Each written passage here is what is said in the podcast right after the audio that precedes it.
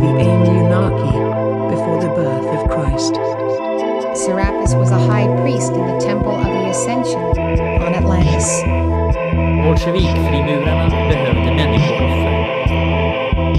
I Sverige finns idag bara ett fåtal som håller på med elektronisk kommunikation med andra sidan.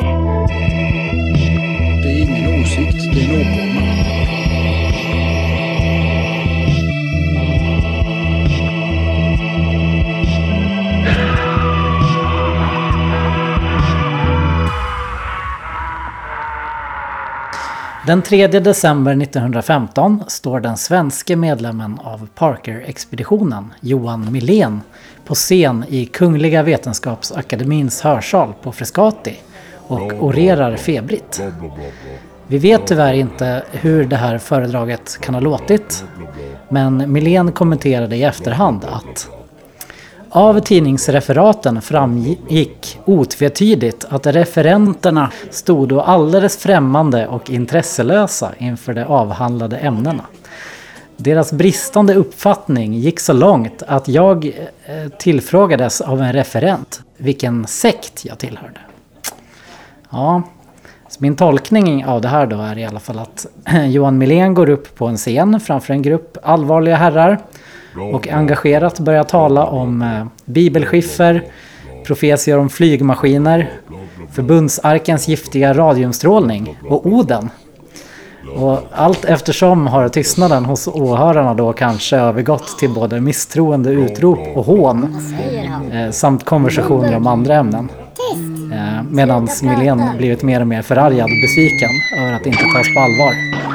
Till slut kanske han stormar ut av scenen och slänger rasande sitt manus på golvet. Ja, det här är ju då som jag tänker mig. Det Mm. kan ha skett på andra vis. Jo, men det här tror jag vi alla båda kan relatera till. Vi som Mm. har hållit föredrag på äldreboende till exempel. Olika ja, precis. Och eh, ja, det här avsnittet ska i alla fall handla om eh, efterspelet till eh, Parker-expeditionen. Eh, vad skrev den svenska medlemmen Johan Milén om det? Och vem var han? Eh, vad hände i dagstidningarna när de rapporterade om det? Vilka var kritikerna? Eh, och finns det andra källor till expeditionen som kan ge en rimlig bild av vad som egentligen hände? Och framförallt då förstås, fann de marken och Bibelns skatter? Och vad, var, vad hände med den i så fall? Ja, ja men vi kör Mm. väl. Härligt.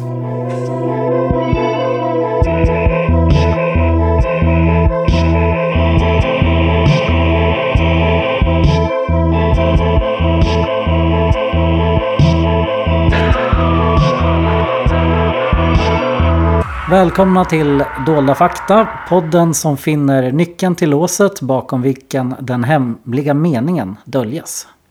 Har vi en ny tagline? Ja, den har vi tagit från Johan Milén faktiskt. Mm, den passar väldigt bra tycker jag. Ja, jag heter eh, Trollhuru. Just det, och jag heter Jules Harsch Fischbach. Okej, det var länge sedan vi poddade. Ja, det var ett tag sedan. Jag, jag minns faktiskt inte. Jag har ingen tidsuppfattning Nej, den här gången heller. varför har det blivit så? Jag har ju många anledningar. Ja, ja, jag vet inte. Du har ju flyttat. Ja, min exil är Okej, ju slut. ja. Jag bodde ju på andra sidan pölen Ja, just det. till följd av Göran Perssons elektromagnetiska lobotomeringsmaskin. Ja, just det. Den kan ju inte nå tvärs över Atlanten. Nej, men nu har jag ändå åkt tillbaka då för att... Mm, på Ja. vinst och förlust. Precis. Eh, sen har jag också... ehm, vi skämtade ju i gamla avsnitt om att någon borde göra liksom någonting av namnet Hemligkammaren. För det var ju, Mm, det var ju just något det. gammalt vad heter det, arkiv. Eh, där som pratade om att i Stockholm skulle det finnas en hemlig kammare med alla sjuka en böcker. bokhandel, eller hur var det? Ja, jag vet en hemlig- Hemligt bibliotek liksom. Mm, Så ehm, just det. Väldigt vackert namn. ja, men så jag har gjort, eh, jag har startat hemligkammaren.se. Wow. Så där kan man hitta våra manus och också olika böcker som är digitaliserade. Ibland av oss, men mest Mm. inte. Ja, det ser, ser väldigt vackert. Ser väldigt lovande ut, Mm. måste jag säga. Det kan vara en del eh, felstavningar och sådär. Men får gärna kom, gå in och kommentera om man, tycker, om Mm. man vill debattera något av ämnena som tas upp där. Absolut, vi, är inte rädda för att ta debatten. Nej, så Mm, Men vill du, kan du säga adressen igen? www.hemligkammaren.se Mm, eh, Ja, väl värt ett besök. eh, ja, sen har jag haft mycket problem med mitt internet också. Det Ja, just det. det är väl hackat på grund av podden, antar jag. Jo, Eh, jo. Men eh, därför har vi rimligt. träffats eh, vad heter det, ansikte mot ansikte första gången. Ja, precis. Det är väldigt spännande. Ja, och du har för första gången inte gamer-mick från helvetet. som du alltid haft. Eh, nej, Nej. Eh, nu sitter jag, sitter jag här i din, i din mancave, eller hur? ja, precis. Och jag använder en mick som jag köpt eh, kanske för 15 år sedan. Mm. Som jag aldrig använt. Nej, den hade ju ett syfte ändå. Det Ja. Aldrig köpet ledde fram Ja, till det här. precis. Otroligt. Om man bara väntar tillräckligt länge. Ja, sen har vi fått mail igen. Ja, vad roligt. Vi kanske ska börja med det då. Från Ja. en lyssnare som kallar sig El Chupacabra. Mhm. Det är ett monster i Arkivex. Ja, det är det enda jag vet också. Ja, men det, det är mexikanskt säkert... Ja, precis. Monster, Säkert tidigare än Arkivex. Men han skrev... förmodligen. Han eller hon skrev Jag drack en Festis med Cactus Lime-smak och märkte då att, att på flaskan är det en pyramid med en sol på. Och förstod då rätt osökt att Festis måste vara kopplade till Illuminati. Ehm, ja, och så vidare. Mm. Ehm, vad, tror, vad tror vi om den här eh, teorin? Ja, det är väl bara att instämma. Ja, det är Det- klart. Så här, så här är det om man har öppna ögon. Då Ja. upptäcker man sånt här. Ännu ett bevis. Mm. Det finns där, det är det som är så sjukt. Att de gömmer det helt öppet. Ja. Så folk tror man är galen när man ser bevisen. Mm. Fast de finns. Eh, samma lyssnare tipsade också om eh, Law of the One. Jag vet inte vad det är, men det verkar spännande. Det är någon alien-kult typ. Mhm. Eh, nej, jag känner, in, känner inte till. Nej, okej. Det handlar om att kanalisera en, några varelser som kallar sig Ra. Mhm. Ja, det låter spännande. Eh, Är, det, är det egyptiskt? Ja. det är det ju. Men kanske möjligtvis också är utomjordingar då. Mm. Så eh, ja, vi får väl kolla upp det. Mm. Ja, det, lägg, lä- jag skriver upp det på den väldigt långa listan på ämnen. Precis. Sen eh, tipsade Chupacabra också om en Alien-dokumentär som heter Strange Harvest. Mhm. Har du sett? Nej. Och en som, het, som handlar om att Shiva är en alien. Och det ser man ju tydligt. En massa armar och grejer. Mm. Ja, det är väl glasklart. Nej, det har jag inte sett. Nej, Men det så, låter rimligt. så det här får vi väl kolla på Mm. när, när det finns tillfälle helt enkelt. Nu, Ja. när, nu när vi kanske har mer tid. Kanske. Det vet man aldrig. Ja, Mm. Roligt att få läsa mail. Ja, alltid lika roligt. Hoppas att fler Mm. skriver och kommer med Ja. tips. Och, Absolut, vi, tar, vi blir jätteglada för mail. ja. Ja, har du något du har läst kanske? Eller är det någonting du vill prata om innan vi sätter igång?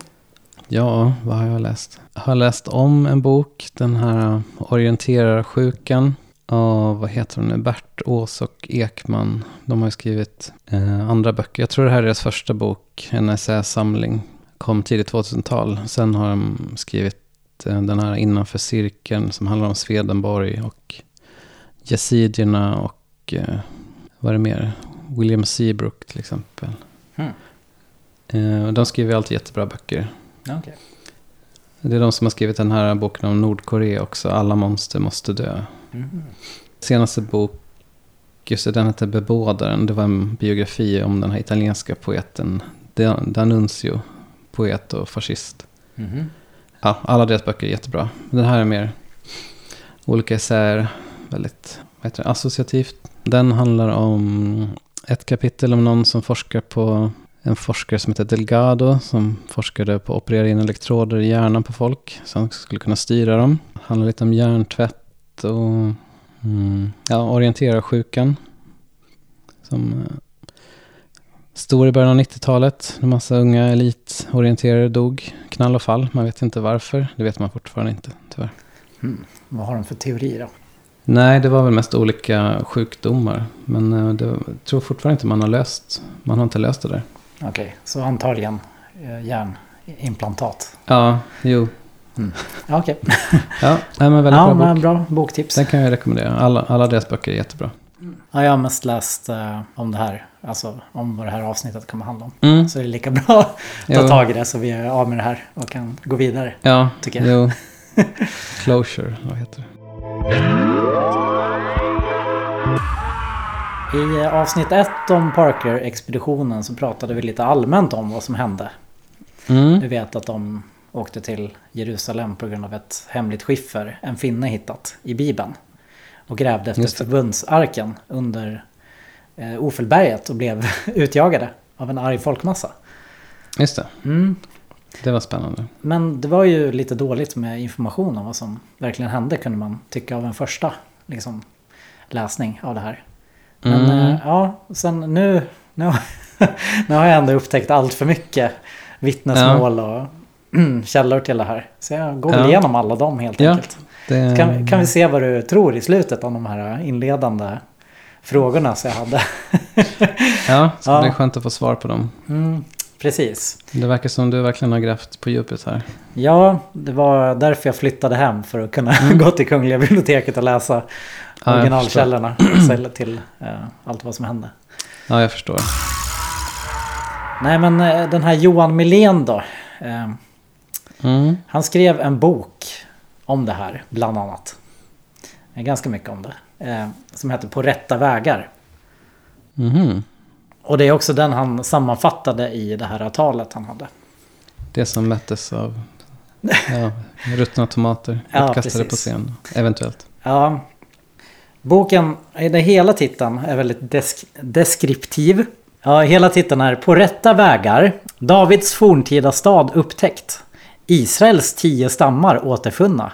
Inom pe- parentes, äro icke judarna. Wow. Det är hela titeln. Ja, men det var väl sådana här titlar böcker hade förr i tiden. Mm, det var så praktiskt. Man behövde Mm. bara läsa titeln. Så. Ja, det är jättebra. Det Ja. borde man återinföra. Eh, Johan Milén beskrivs på försättsbladet som ingenjör, ordförande i styrelsen och ledare för det engelska aktiebolag som utförde grävningarna i Jerusalem. Mhm. Och den har tryckår 1917 då. Mm. Så det är ett- tag efter i alla fall. Och den här boken är jättespännande. Om man inte vet så mycket om expeditionen. Mm. Jag höll ju på att tappa hakan när, för det här var bland det första jag läste. Man kan ju då lätt tro att eh, han Johan Milén och eh, hans gäng, liksom att de eh, att det var svindlande, världsomvälvande upptäckter och äventyr som de var med om. Mm. Men jag anar att det kommer en besvikelse här Mm, snart. Eller? ja, i alla fall var det så med delen som handlar om själva expeditionen. Andra delen av boken, där är han ute på lite grumliga vatten. Eh, och där Mhm. tolkar han verkligen Bibeln fritt. Och den kan vara lite svårare att smälta. Men vi kommer till den snart. Mm. Man kan också påpeka att omslaget pryds av det allseende ögat. Som ju är en eh, känd frimurarsymbol. Mm. Vilket också vissa av hans eh, senare kritiker skulle påpeka. Ja, det är rimlig kritik. Ja. Eh, så jag, jag börjar väl med att djupdyka i den här boken så kommer det lite annat sen. Mm. Spännande. Ja, eh, den här finns förresten digitaliserad så jag lägger upp den på hemligkammaren och överallt så kan man läsa den själv om man orkar. Wow, Inte så jäkla tjock liksom. Vilken, vilken service Mm. för lyssnarna. Ja, verkligen.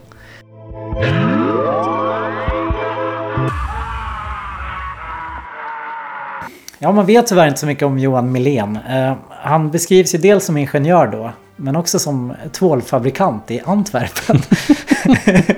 det, var ju, det, var ju, det var ju alla Ja, på den tiden. Kalle Anka-yrke. Precis. Och han beskrivs också som bofast i Köpenhamn. Ja, Eh, Han kan ha, kan ha varit född 1856 om det var rätt Johan Milén som jag hittade i kyrkböckerna när Mhm. jag sökte. Mm. Och möjligtvis var han eh, under en tid gift med en Ada Uggla. Mhm. Kan det vara en släkting till Magnus Uggla? Eh, ja, det är det säkert. Borde ju vara. Det är väl en gammal adelsfamilj. Precis. Men sen frånskild tyvärr. Ja, Kan det vara på grund Också. av den här boken kanske? också ett bra. Kalle Anka-namn. Eh, ja, men det är det enda jag vet. Ja, Och sen allt som står i boken då. Mm. Boken inleds och genomsyras av en missnöjd ton. Dels över mottagandet av det här föredraget. mhm. Men också att Milén anser att den nutida sekulära forskningen 1917 då Mm. eh, ser det som under sin värdighet att tillmäta Bibeln den betydelse han tycker den förtjänar. Mm. Han klagar mycket om att det råder fullkomlig likgiltighet hos en större allmänhet om Gud. Så redan 1917. Ja, det är för jävligt. Ja. Och det har inte blivit bättre sedan dess kan jag säga. Nej, ja, man skulle se de här tiderna. Eh, han skrev, om jag citerar honom lite så, han skriver att vi lever nu i yttersta tidens materialism. Så ohyggligt Mm. utvecklad att alla andra intressen måste eh, skatta däråt. Ingen har tid från penningbegärets tillfredsställande att ett ögonblick stanna för att le- reflektera. Är detta allt? Mm. Ja, det, väl. där får man väl ge honom rätt. Det får man väl göra. Han menar också att allt det här kulminerat i eh, det största och ohyggligaste av alla krig. Som då är första världskriget förstås. Han har ju Mm. inte upplevt andra världskriget. Eh, än. nej. Jag vet inte när han dog. Mhm. Han beskriver det som att eh, ja, men där skapade den här krassa materialismen eh, lidande så stora att människor inte längre orkar ens be Gud om hjälp. Utan eh, svälter och pinas medan riksbankerna i världen stoltserar med oerhörda guldförråd. Massan pinas medan ett fåtal djävulens eller ondskans redskap skor sig. Eh, men Ja. profeterna säger att det här eh, förr eller senare kommer leda till en andlig revolution. Så där Ja. har, ju, har vi tur då. Att ja. Eh, efter det efter var regn kommer solsken. Precis. Det var ord och inga visor. Nej, det är mycket den här stilen av eh, Mm. eh, rasande. Ja. Nära, vad är det det kallas? Nära på heligt vansinne. Mm, precis. Ja, jag gillar det jag hör än så Mm. länge, måste jag säga. Ja. Han skriver också att bevisen på förmågan att rätt tyda Bibelns profetior är och nu så mångfaldiga att den som invänder, det tror jag icke på, intager alldeles icke som han söker göra troligt en överlägsen ståndpunkt utan blottställer sig inför alla fakta såsom en ologisk personlighet. Mm. Får man ju också ge rätt. Att alla som har tvivlat på Bibelns profetior, de fick ju, de fick ju tystna sen. Efter, efter allt det där som hände när det visade att de hade rätt. Just det. Eh, Ja, men det är, ju, Ja. det är ju inte då bara profetior om framtiden man kan utläsa i Bibeln. Ja, det finns också Nej. hemliga koder i den, som Mhm. vi vet. Och som också då kan leda till visdom och skatter. Och syftet med Milléns bok är att klarlägga allt det här som varit obekant mycket länge. Och också berätta om expeditionen till Jerusalem som han ingick i. Eh, Mm. Så han, han börjar gå in på Ju- Juvelius skiffer. Mm. Och han förtydligar att skifferskrift så menar han att det ut i texten ligger en dold undermening eller annat än det synliga. För att få fram denna dolda eh, skrift eller text måste man hitta nyckeln till låset under vilket den hemliga Mm. meningen döljes. Så där var Mm. dagens intro då. Mm. Vackert. Eh, så om jag citerar honom så skriver han att nyckeln består vanligen däruti att vissa bokstäver efter en författaren inlagd ordning och nummerföljd utplockas ur texten och sammanfogas till ord och meningar. Eh, Så därför måste man ju göra det här då på originalspråk. Mm. Det var just det jag tänkte fråga. Det måste man ju. Och Juvelius gjorde det här då. De kom i förbindelse ungefär tio år innan den här boken skrevs. Så det var ju alldeles innan expeditionen då. Mm. Eh, han läste det på kaldeisk hebreiska. Jag vet inte om det är, Wow. det är väl originalspråket då antar jag. Eh, ja, det är det väl. Gam- Gamla testamentet. Mm. Och det var där han hittade det här skiffret i Hesekiels bok. Just det, är det, det är den här som innehåller allt som är bra. Precis. Och det här tycker också Milén är ett otroligt sammanträffande på Mm. grund av profetiorna där. Om till exempel himla, himlavagnen som är känd från eh, Erich von Dönikens. Dänikens. Däniken. Kalle Anka. Det var Kalle Kalle Anka. Anka-namn igen. Eh, hans teorier om att eh, Hesekiel här beskriver utomjordingar och ufos. Mm, precis. Ja, den innehåller ju det. Men sen innehåller den det som du tog upp för länge sedan när vi pratade om Moseböckerna. Mm. Eller det här med att man skulle äta bajs. Ja, just det. Mm. Det är väl också Hesekiels bok. Det är det. Så det är en, rik källa. Ständigt återkommande.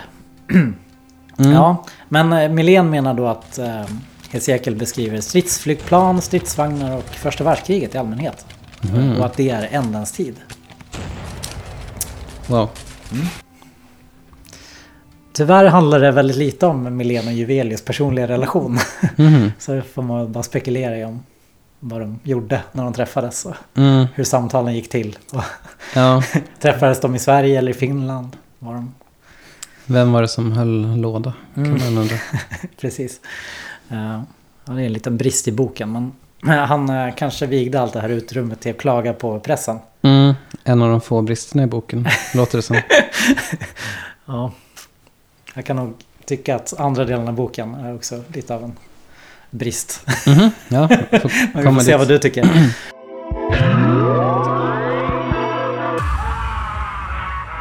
Ja, det är mycket om det här med pressen i alla fall. Eh, Mm. Jo, men det förstår man ju.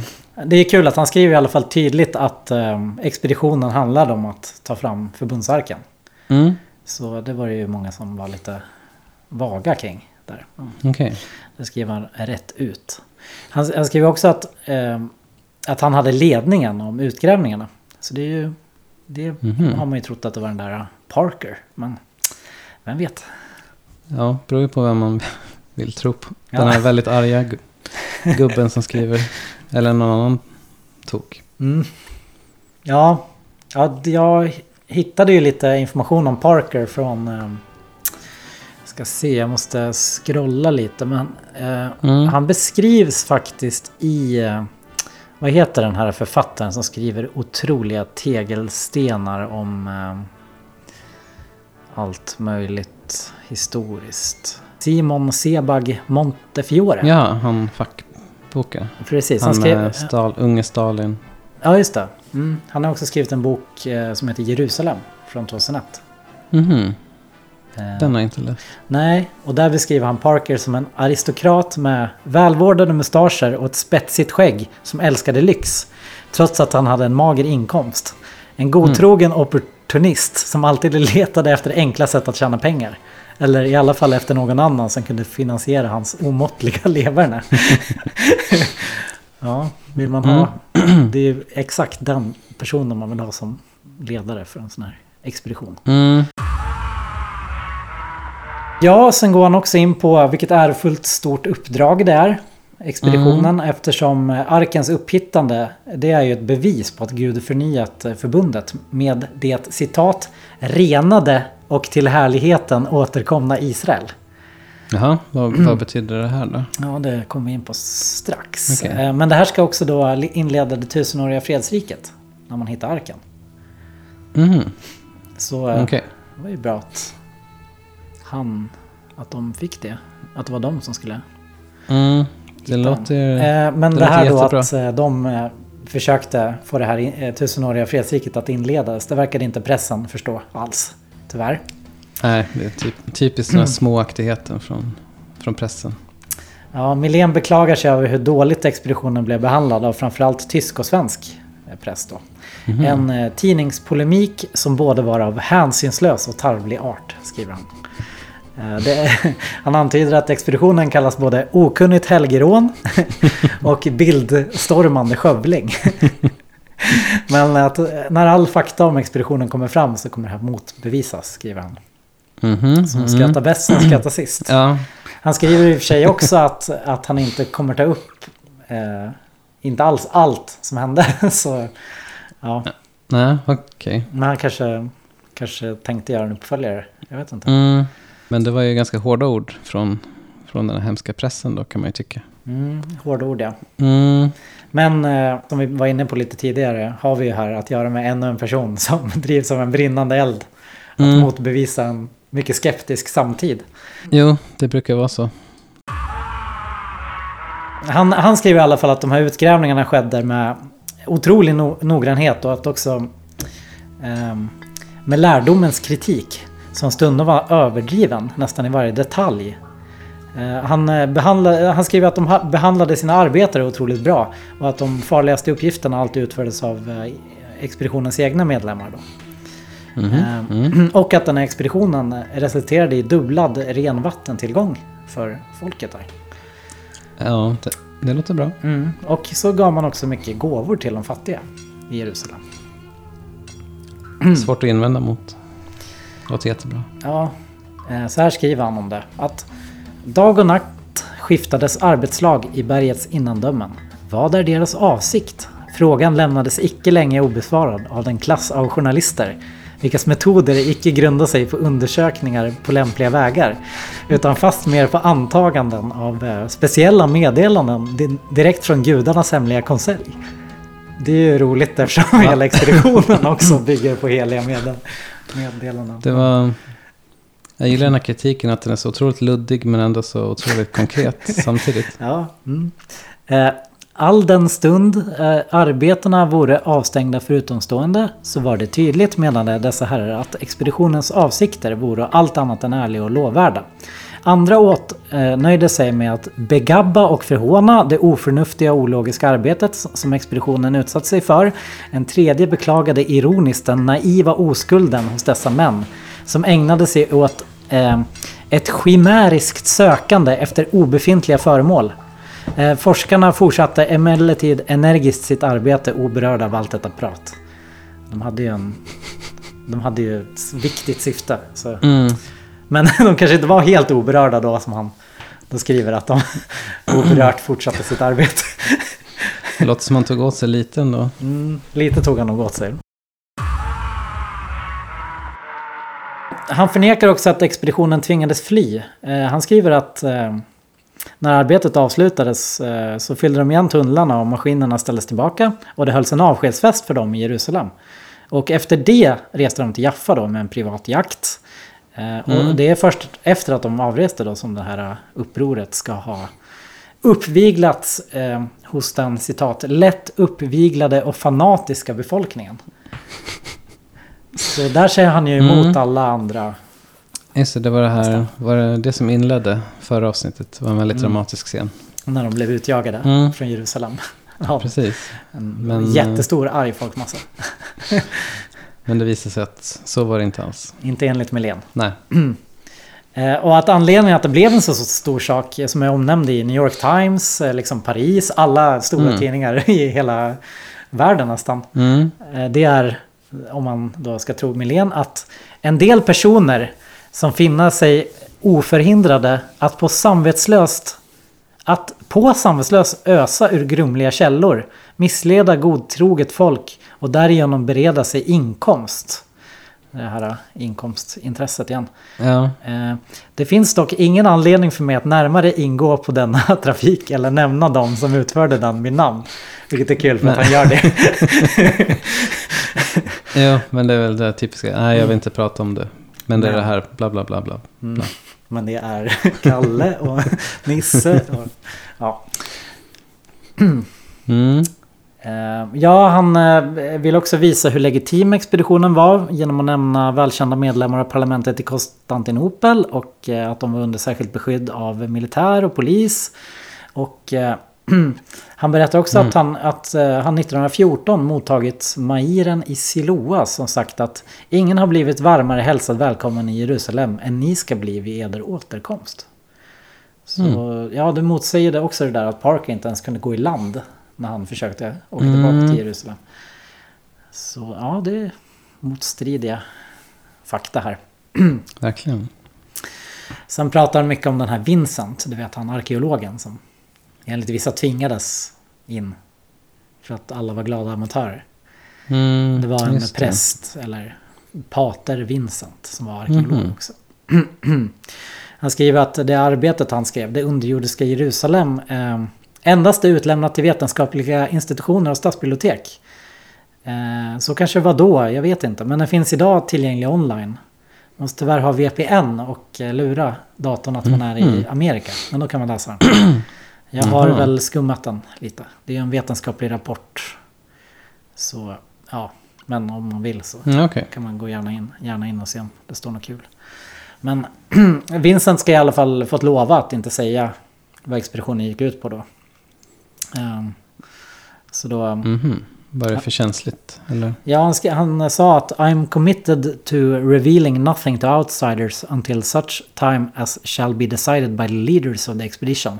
I hope that those who feel frustrated by my silence will consider that a like discre- discretion will be at their disposal should I be asked to engage in a similar project at some future time. Har han sagt om det hela. Mm, okej. Vissa har dock menat att också om man läser Vincents rapport så verkar det inte som att man hittade så mycket i, där i Jerusalem. Eh, Men Milén, eh, han vill bevisa att det verkligen inte resulterade i ingenting, den här expeditionen. Mm. Det ska bli spännande att se. Mm. Höra Ja. vad det var för bevis. Men återigen förtydligar han att eh, boken innehåller icke närmelsevis allt det vi utforskat. Nej. Mm. Okej. Ja, man kanske ska gå in lite på utgrävningarna också då. Det, var, ju- det har vi ju pratat om, men det Mm. blev stor uppståndelse när de 1909 började gräva på sluttningen av Ofelberget. Eh, man började leta efter en underjordisk passage som skulle leda till Jungfrukällan som försett staden med vatten och gjort den militärt strategisk eh, som Mhm. många, många, många år. Eh, han skrev också att det här farliga arbetet utvecklade ett starkt kamratskap mellan medlemmarna. Så, Mm. Jag tänkte läsa lite, kan man få en ögonblicksbild hur det gick till då. Här och var fann man någon i det mest otroliga läge och kostym. Med ansiktet nedsmort av rök och smuts som i denna omgivning eh, än mera fördjupade intrycket. Så kunde man trippa över någon som befann sig i det mest otroliga läge grävande i någon håla i bergväggen. Eller någon annan som helt fryntligt bad att få låna ens rygg för att nå upp till eh, en något högre beläget mysterium som måste utforskas. Mhm. Eller man måste göra sig osynlig på en gångplanka hängande över en eh, svart urholkning för att släppa en annan förbi. Eh, vid ett annat tillfälle befinner man sig med en kamrat seende forskande på varandra likt ett par trollgubbar framför en repstege dinglande längs en sluttning av stenar och bergblock som eh, Eh, riskabelt hotande, som ser riskabelt hotande och fallfärdig ut. Eller samlas eh, vi omkring en lysande ljusstump för att diskutera någon nyupptäckt detalj vid grävningarna. Undersöka ett fynd eller rätta en teckning. Det låter väldigt spännande. Verkligen. Äventyr. Mm. Så de fick vada i eh, gyttja. Eh, och det var viktigt att skydda sina instrument och anteckningar och sådär. Men de lärde sig snart skoja om det. Om alla olyckor och misstag. Mhm.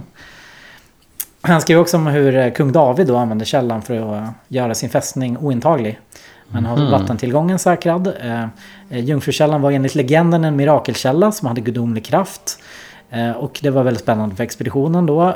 Och också de religiösa ceremonier källan ska ha använts till. Och rollen den spelat i kung Salomos kröning. Mhm. Eh, Så de tömmer den här källan och finner olika bevattningskanaler igenmurade. Och ersatte med ett nätverk av tunnlar med syfte att föra vatten då runt omkring det här berget. Mhm. Och det här har eh, antagligen hänt under Hiskias regering eh, som nämns i Bibeln. Men Millen menar också att de kan bevisa läget för Davids gamla stad genom det här. Eh, De finner också ett mycket stort gravvalv med egyptiskt utseende med keramikföremål och lerkärl. Eh, En annan grotta ska användas som offerplats och i jorden hittades fågel och lammben och ännu mer keramik. Och ja, nu blir det ännu mer spännande när han eh, beskriver mer vad de hittar då. Att inuti Ofelberget finns ett tredubbelt system av tunnlar, labyrinter och vattenkanaler, vilka vardera hava sitt särskilda ändamål. Tunnlarna för fram till vissa mål, men det är så väl igenstängda med konstgjord bergart, fullständigt liknande naturberget, att ingången är omöjlig att hitta utan den särskilda ledning som skiffren förmedlar. Labyrinterna tjänar som avledare från tunnlarna så att sedan man följt dem i olika riktningar mynnade ut i ett ändamålslöst intet. Vattenkanalerna fullföljer olika ändamål, varav ett är att skydda tunnlarna och labyrinterna mot obehörigt intrång.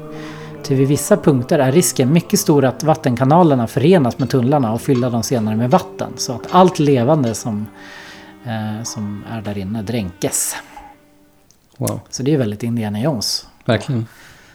Eh, Så skriver han också om eh, kompletterande fällor för de som inte drunknar. Mhm. Så du kan ju tänka dig när jag läste det här första gången utan att veta så mycket om expeditionen. Eh, han skriver gaser av beskaffenhet att åstadkomma brännsår och kvävning. De ämnen varmed tunnlarna är och igenfyllda är och bemängda med dessa gaser. Endast i tid erhållen varning därom i skiffern räddade oss från olyckshändelser. Det ska vara en klentrogen människa som inte vill fatta att allt det här är utfört med det ändamålet att undangömma förbundsarken intill ändens tid. Så som i profetiorna beskrivs. Mm, jo, då måste man vara bra trög. Ja, så det var det här naturberget då man inte kunde... Man kunde inte skilja det här konstgjorda berget som det, från naturberget. Då. Mhm. Eh, eh, och väggarna var så tjocka att man inte fick genljud vid knackningar så det var svårt att orientera sig. Ja, han menar att avsikten är tydligen den att avleda lusten att vidare fortsätta. Eh, då det verkar bara vara berg liksom. Mm. Mm. Eh, Dessa försvarsverk är och än ytterligare förstärkta till förhindrande av obehörigas uppnående av asylen. Genom här och var förekommande källor utom omnämnda gaser och vatten. Jaha, så det är ännu mer eh, fällor. Ja, Mhm. Mm. de skriver inte dem närmare tyvärr. Ja, sen drar ju Milén ganska stora växlar av det här konstgjorda berget. I en vadå? fotnot så skriver han Den stora Keopspyramiden i Egypten har i alla tider varit föremål för utläggning hur man kunnat byggas den då av så här stora stenblock. Vet, Mm. Som du vet. Ja. Eh, I tunnlarna i Ofelberget har vi funnit eh, att forntidens folk kunde framställa konstgjort berg som var fullkomligt liknande det naturliga berget. Härigenom har vi fått den gåtan löst på vilket sätt pyramiden såväl som templet i Baalbek med stenblock av 1500 tons vikt blivit byggda. Jaha. Så går det. Så småningom upplöses de forntida miraklen. Eh, det ena efter det andra i naturliga företeelser. Så han löste alltså mysteriet med pyramiderna här i Jag vet inte om jag förstår lösningen riktigt. Eh, jag tror att han menar att, eh, ja, men att de i alla fall byggde pyramiderna på samma sätt som de hade gjort det här tunnel, Konstgjord, ja, konstgjort, konstgjort berg. berg. Jag vet inte om han, hur de gjorde det då. Nej, Han kanske vet men Nej. inte skriver. ja, nej. Jag, jag är kanske en av de här otroligt tröga som man pratar om. Eh, jag också tror jag, tyvärr. Mm. Men konstgjort berg, är det... Ja, jag bara undrar med, hur menar han att det såg ut? Eller liksom, nej, det var ju exakt likadant som... hur vet han då att det var berg. konstgjort? eh, ja. ja, det vet vi Ja, inte. nej, det var bara en tanke. Milén skriver vidare att de upptäckte Davs gamla stad i Offelberget. Mhm. och tar också upp olika källor om det. Eh, Berättelser om glans och härlighet och skatter omkring David och Salomo. Han skriver om någon som heter Manasse ben Israel, som var någon rabbin på 1600-talet. Som möjligtvis är avmålad av Rembrandt, hittade jag Mhm. när jag sökte på dem. Mm. Eh, Som den här rabbin skrev då att det hämtat skatter eh, dit ända från Peru. Eh, Oj, ja, jaha. så det är ju inte dumt. Det var... Eh, Manasse, eh, den här rabbin, han trodde att vissa av Israels försvunna stammar kom till Sydamerika. Det Mm. här är också idéer som Helén inte heller är främmande för senare i boken. Men han har en Mm. lite annan twist på det. Det, det låter intressant. Mm, jag kanske borde läsa honom då. Mm. Ja, de eh, hittar de här murarna och gravkamrar och konstgjort berg och kökskärl, prydna saker. Ställen som inte beträtts på 2600 år. Allt genom skiffret, skriver Milén. Eh, Och de ska också ha hittat föremål med Salomos kungliga stämpel på. Som vissa var enligt Milén då 5000 år gamla. Sen ha- hittade de ju också en stol uthuggen av vit kalksten som de döpte till Salomos tron. Mhm. Eh, vi kan återkomma till den här Salomos tron senare. Ja, gärna. Mm. Eh, eh, också Milén trodde ju då att det här var resten av en lyxbostad. Att de kanske var nära Kungliga palatset. Okej. Tyvärr så avslutar de beskrivningen av utgrävningen här. Det blir Mhm. inget mer. Nej. Det låter ju bra. Ja. Det är Salomos tron. Eh, det löste mysteriet med pyramiderna. Det låter jättebra. Eh, det fick eh, vad heter det, hantera jättefarliga gaser och fällor. Ja, Mm. men eh, jaha.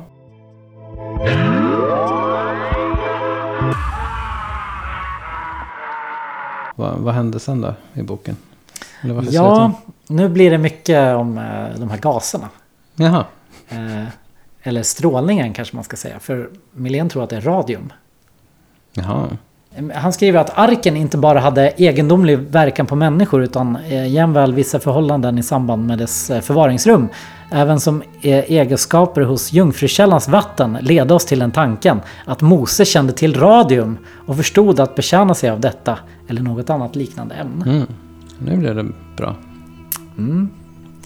Så det, han har massa bevis på att eh, det är radium eller något liknande då. Ja, okej. Vill du höra dem? Får vi se om du, Ja, det här vill jag höra. vad du säger. Ja, eh, i Bibeln står det ju att när man visade upp arken så upplystes himlen av eh, en härlig strålglans.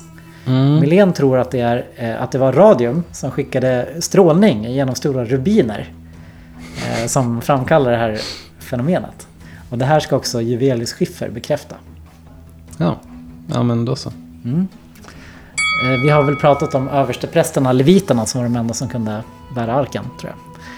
Eh, Ja, Lite i alla kanske. fall. Att de skulle vara klädda i fårskinn av en speciell röd färg. Eh, Och det var ju då för att förminska radiumstrålningen, eh, Mm. menar Millen. Mm. Sen skrev han också att en vattenpelare av en meters mäktighet eh, reducerar radiumets inverkan med 99%. Så därför gömdes eh, arken med massa vatten. Så att den inte skulle Mm. vara farlig liksom, för folk som bodde där kanske. Okej. Han skriver också att radiums varaktighet är omkring 2600 år. Och eh, ja, Mm. du vet, de är kanske de första på 2600 år som är där. Så Guds plan. Mm. Eh, sen har tydligen den gamla judiska historikern Josefus berättat att Herodes visste var den fanns men misslyckades att stjäla den då hans tjänare dog av gasförgiftning. när det var nära den. Det här är ju Okej. återigen radium, Mm. menar Jo, Milén. självklart. Mhm. Jeremia pratar om att eh, citat gömma elden i Bibeln. Det är radium. Okej. Mm. Bibeln berättar också att folk skulle hålla sig på 2000 alnars avstånd från arken, annars dog de eller blev sjuka på strålningen. Mm. Eh, när Je- Jerikos murar störtades, då fick ingen, eh, du vet de bar runt arken och blåste i basuner. Och sen Just det. revs murarna då. Och då fick man inte röra eh, liksom, murarna efteråt. För att Mm. radiumstrålningen. Strålning. Ja, Ja. just det. Eh, Milén skriver också att, eh, ja men han skriver att strålningen fortfarande är verkbar och att de har upplevt den i tunnlarna. Men han utvecklar inte det mer än med de här Okej, bibliska. de kände lite grann. Ja. Okej. Mm. Eh, Sen var det ju filisterna som snodde arken i sju månader. Men alla fick bölder och dog. Mm. Så till slut lämnade de ju tillbaka den. Tillsammans med fem jordråttor av guld och fem guldbölder. Som en slags offer och symbol. För deras fem hövdingar som alla drabbats. Jaha, så det Wow. vackra skulpturer. Av Eh, bölder. Mm. Sen var det här att de spände några kor som självmant gick med arken utan ledning. Förutom av Gud kanske. Mhm. Och till slut kom arken tillbaka till leviterna. Ja. Okej. Väldigt spännande. Det låter väldigt von Däniken allt, Ja. alltihop. där. Det är långt innan. Mm. Jo, precis. Eh, Intressant. Sen skriver Milén bara att det är intressant när i Bibeln när israeliterna fick bevittna hur Jordans vatten delar sig när prästerna går ner med arken. Mm. En utomordentligt intressant berättelse tycker Milén. Radium. Ja, ja. Just det, radio. Sen pratar han mycket om det här Urim och tum, Tummim. Som ska, Mm. Vad, Vad vad, var det nu igen? det, det ska också finnas i arken. Eh, Det är så här ord inskrivna i en domsköld kanske. Eller jag vet inte om det är ord. Eh, eh, Milén skriver att det är samma sak so- som alkemisterna eh, sökte men aldrig fann i sin häxkittel. det visar sten alltså.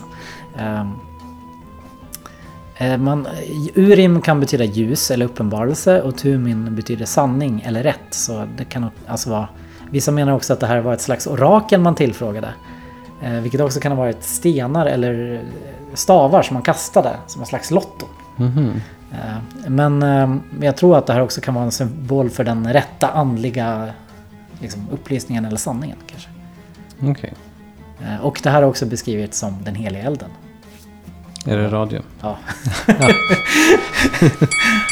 Ja, så det är, det är, det är de bevisen då.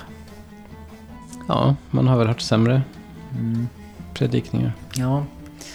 Men han säger som sagt också att det skulle kunna vara elektricitet eller något som inte de hade upptäckt än på Ja, hans tid. Liksom. det är bra att gardera sig. Ja. Men det kan även ha varit elektricitet. Mm. Men han skriver också att eh, i, där, i ändans tid så skriver Bibeln att det ska bli mycket du vet, nya upptäckter. Och hans tid Mm. var ju fylld av upptäckter av eh, ja, jag vet inte, telefon och grammofon och det var Mm. film och det var kemi- kemiska och fysiska upptäckter och sånt där. Verkligen. Så, ja. Det får man ju igenom.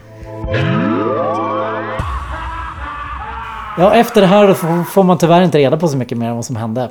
Istället, istället så går Milén in på ett annat spår. Jaha, okej. Nu, så nu handlar resten av boken främst om en ny teori om israeliterna som påminner eh, inte alls lite om teorierna och tillvägagångssätten som Olof Rudbeck Mhm. använde på 1600-talet för att bevisa att Atlantis låg i Sverige. kan Ja, man ju lyssna på vårt avsnitt om det om man inte Ja. har gjort det. om man, då, om man vill förstå varför vi pratar om att man rudbeckiserar. Mm. För det, det känns som att eh, Milén, han är en anhängande av Rudbeckiserande. Mm. Eh, Av hans vetenskapliga metod. ja, precis. Eh, Ja, vad spännande. Vad, vad, vad innebär det här då? Ja, det innebär att Juda och Israel är två åtskilda släkter som på ändens tid ska sammanföras under ett standard. Vilket menas att judarna ska bli kristna. Alla Mm. har ju trott att israeliterna, är, som är Guds utvalda folk, är judarna. Mm. Men det tror inte Milén. Han Okej. eh, tror att det är svenskarna. Ja, Eller, eller alla nordeuropeer. Eller kanske också ungefär alla västeuropeer som han tycker är härliga. ja, som det brukar vara så. Ja. Juda och Israels släkter skildes åt någon gång. Mm. Eh, Israeliternas troligen sju stammar ska ha blivit slavar under assyrierna. Och sen ska de vandra till Skytien. Har vi pratat om skyterna med trollkarlshattar. Just det. Eh, norr om Svarta havet vid Donau. Eh, och där ska de ha kallat sig Getajer. Och då försvann Israels namn och glömdes bort. Mm. Getajer, vad påminner det om? Är det goter? Ja, såklart. Mm. Så judarna förenade sig då i Jerusalem och bildade judarike. Okej. Men eh, både judarna och israeliterna började med avgudadyrkan och då vände Gud bort sitt ansikte från dem. Men inte för alltid. Ehm, Mhm. han skriver att efter upplösningen av, det här kanske är lite svårt men han skriver Efter upplösningen av Juda och Benjamins rike förlorade judarna all medveten förbindelse med israeliterna. De visste ju inte att, ja, de trodde att det var de som var de utvalda. Mm. Däremot hava judarna uppehållit förbindelse med varandra i alla länder där de sedan urminnes tider haft hemvist. Eh, Kommer, här- det bli, kommer det bli antisemitism? Ja, såklart. Ja. Här ute ser vi utan möjlighet till gensägelse hur fullständigt Guds budskap om Israels försvinnande gått till fullbordan. Eh, något så, sådant budskap har icke blivit känt om judarna. Det synes sålunda ha varit en bestämmelse av Gud att judarna icke skulle borttappas så som Israel. Och det här är ju ytterligare ett bevis för att Israel och Juda är åt tvenne fullkomligt åtskilda släkter. Orsakerna här till synas vara tvåfaldig. I första rummet den att judarna även under de mörkaste hedniska tiderna för Israel blivit trogna sin dyrkan av den enda guden. Utom en kort tid, som redan omnämnts. För det andra, judarnas säregna ansiktstyp och andra egenheter. Nej. Varigenom de lätt särskiljas från andra raser och igenkändes till det yttre av varandra. Även därom finnas profetior i Bibeln. Israel däremot var ett blont högrest folk. Så Jaha. där, där kraschade ju lite planet Ja, för mig. Okej. Han befann sig på ett sluttande plan och det kraschade. För att tala med Elaine Eksvärd. Exakt. Ja, här börjar Hitlerklockorna ringa. Ja, jo, faktiskt. Eh, Så det var ju tråkigt att det än en gång skulle bli så här. Ja, jo, Eh. vi som hade så trevligt. Ja, visst var det så trevligt. Det hade var Indiana Jones, det var arkeologi, det var förbundsarken, det var äventyr, det var pojkdrömmar. Jo, Och sen är det bara nazism och antisemitism som vanligt. Jag hade verkligen börjat gilla honom, Milén. Men eh, Ja, det är lite svårare nu ja, ja, men det var ju synd. Så han menar att det är liksom Guds straff för judarna att de aldrig blir en egen nation. Och det är för att de Mhm. korsfäste Jesus då och dödade profeterna. Mm, jo, Eh, jo. Men det här löser ju sig på ändens tid för då blir de judarna kristna också. Mm, Undrar vad är det då- judarna tycker om mm, den här teorin. just det. Är det då Harmageddon och allt det där kommer också? Ja, jag antar det. Precis. Mm.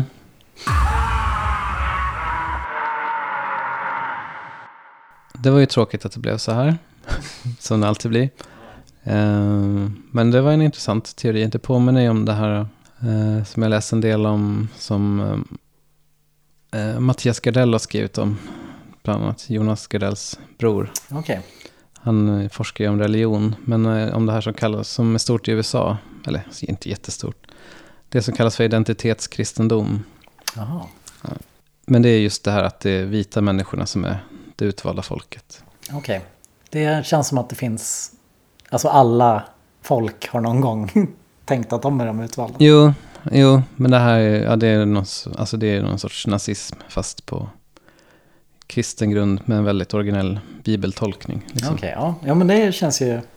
Undrar när- vad det härstammar ifrån då.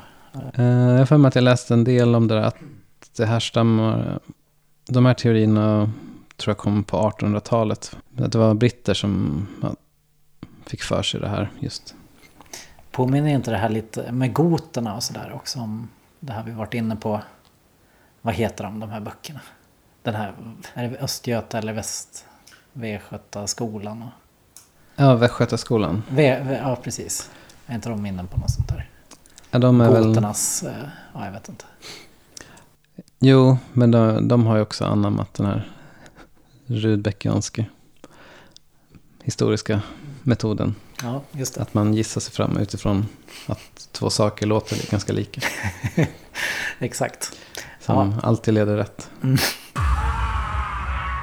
Milén slutar ju tyvärr inte här. Nej, okej. Det, vad eh, synd. fortsätter. Han borde ha slutat på topp. Eh, han, han menar ju också att uh, sen judarna fick liksom reda på upptäckten om Juvelius skiffer så har de motarbetat Åh nej. dem Ja. mycket. Och här kommer ju det här med Rothschild-släkten in också som ju var där och köpte upp mark. Mhm. Ehm, och också pressen och allt det där. Mm. Ja, Ehm, det, det blev den gamla vanliga visan. Ja, precis. Ja, han skriver mer om att David beskrivs som ljuslätt i Bibeln. Eh, och ja, och att han skriver att många har förlorat tron på Bibeln just för att man inte kan se att judarna kan uppfylla alla de här löftena som Bibeln ger. Mhm. Eh, men däremot, om man kollar på till exempel svenskarna och engelsmännen som härstammar i rakt nedstigande led från getajerna Mm. så kan man ju då enligt honom då se att de är de borttappade israeliterna. Ja, och Ja. Det, är vid det, här, det är vid den här tiden han kommer in på Oden också. Ja, ja, just det. Du nämnde Oden i början. Just det, så ja, Det här blir spännande. Så ja, det, Oden är ju själva anledningen till att de kom upp till israeliterna kom till Sverige. Det var ju Oden som ledde dem hit. Mhm, okej. Har det här med alla de här, de här märkliga som man läser ibland då och då så här att Oden kom från Asien någonstans. Ja, just det, asarna. Asarna ja, kom från Asien och så vidare. Ja, just det, där har vi också Ja. en Rudbeck. eh, Jo, Ja. ja, så här som det alltid är. Ja, men eh, han skriver så här. Att Israel skulle erhålla en sådan herde som Oden är profete- profeterat av Sakaraja i 11, 11 kapitlet 16 och 17 vers. Varav den senare lyder Ve över den ovärdiga herden som övergiver sin jord. Må ett svärd träffa hans arm och hans högra öga. Må hans arm alldeles förtvina och hans högra öga förmörkas i grund. Så det Ah, känner man igen Oden hade ju Oden. ett Odens ett öga. Ja, det var ju glasklart. Mm, så han menar då att Oden var en här mäktig ledare som tog israeliterna till norra Europa under vad som nu kallas den stora folkvandringen. Mhm. Så den stora folkvandringen. Mm. När, var, när var egentligen den stora folkvandringen? Jag tror jag faktiskt tog reda på det här och sen eh, förstod jag inte hur han fick ihop det. Eh, inte för att jag tror att det spelar någon som helst roll om, man ska vara sån. Det har varit många. Det germanska infaller mellan 375 och 568 står det. Efter Kristus, eller? Jag tror det. Men det finns också inte det man andra. tänker på. Jo, men det är väl, det låter som att, jag tror att det är det man brukar prata om när man pratar om den stora folkvandringen. Men eh, jag antar att det passar jättebra ihop med den bibliska kronologin. Han menar ju att eh, Oden förde sju av Israels stammar från Skytien, där de var Mm. 500 år. Eh, det kan vara 100 före Kristus han gjorde det. Okej. Och en del slog läger söder om Östersjön och blev anglerna. Mm. Medan vissa fort, fortsatte till Skandinavien och kallade sig asar. As och an är ett gammalt bibliskt namn på Gud. Mm. Lite Rudbeck, Ja, Rudbeckiserande där. Okej, men det var inte samma, det var inte den här Asar, Asien och så. Nej, men han skulle säkert Mm. inte vara främmande för att ta upp den, den Nej, delen också. okej. Melén eh, menar då att det förutsagts i Bibeln att det utvalda folket ska kallas vid Guds namn. Och räknar upp en massa olika bibeldelar om det här får man väl kolla upp om man är intresserad. Ja, Eller ja, ja. absolut. Eller, Ehm, ja, och det leder ju ja, asatro, nordisk mytologi och så vidare. såklart. Han har flera bevis. Han nämner ett gammalt manuskript i Herald's College i London. Och Sharon Turners History of the Anglo-Saxon. Som säger att den engelska kungafamiljen är avkomlingar av den dynastiska grenen av Israel. Och att Odin var släkt med David och därför är båda Efraimiter. Va? I Beowulf uppges det också att Oden var Ge- Getaje. Eddan pratar om hur Oden leder sitt folk från Skytien. Eller Dannerström, som är Donau, till Skandinavien. Okej, ja, det här borde vi ha kollat upp. Ja, det, det finns, det finns en stämmer. gräns för hur mycket Ja, man kan dyka i ett mm, ämne jo. tycker jag. Eh, Okej. Isländarna är israeliter. Um, eh, Getajerna beskriver han som okej. oövervinnerliga, men med alkoholproblem. Fast de ska ändå ha lyckats besegra hundarna och lagt grunden för den västerländska civilisationen. Ehm, ja, de höll sig oblandade med andra raser, bla bla bla. Ehm, ja, det var också våra stamföder ostrogoterna som ödelade Rom 410. Mm. Eh, ja, sen, eh, sen eh, lämnar de ju Rom där med den stora gotiska skatten. Och bildade nya hem i Norden och England. Som Va? precis som Jeremias profetia sagt. Okej. Eh, så ja, alla stammarna spred ut sig över Skandinavien, England, Amerika, Island och så vidare. Efter Roms fall? Ja.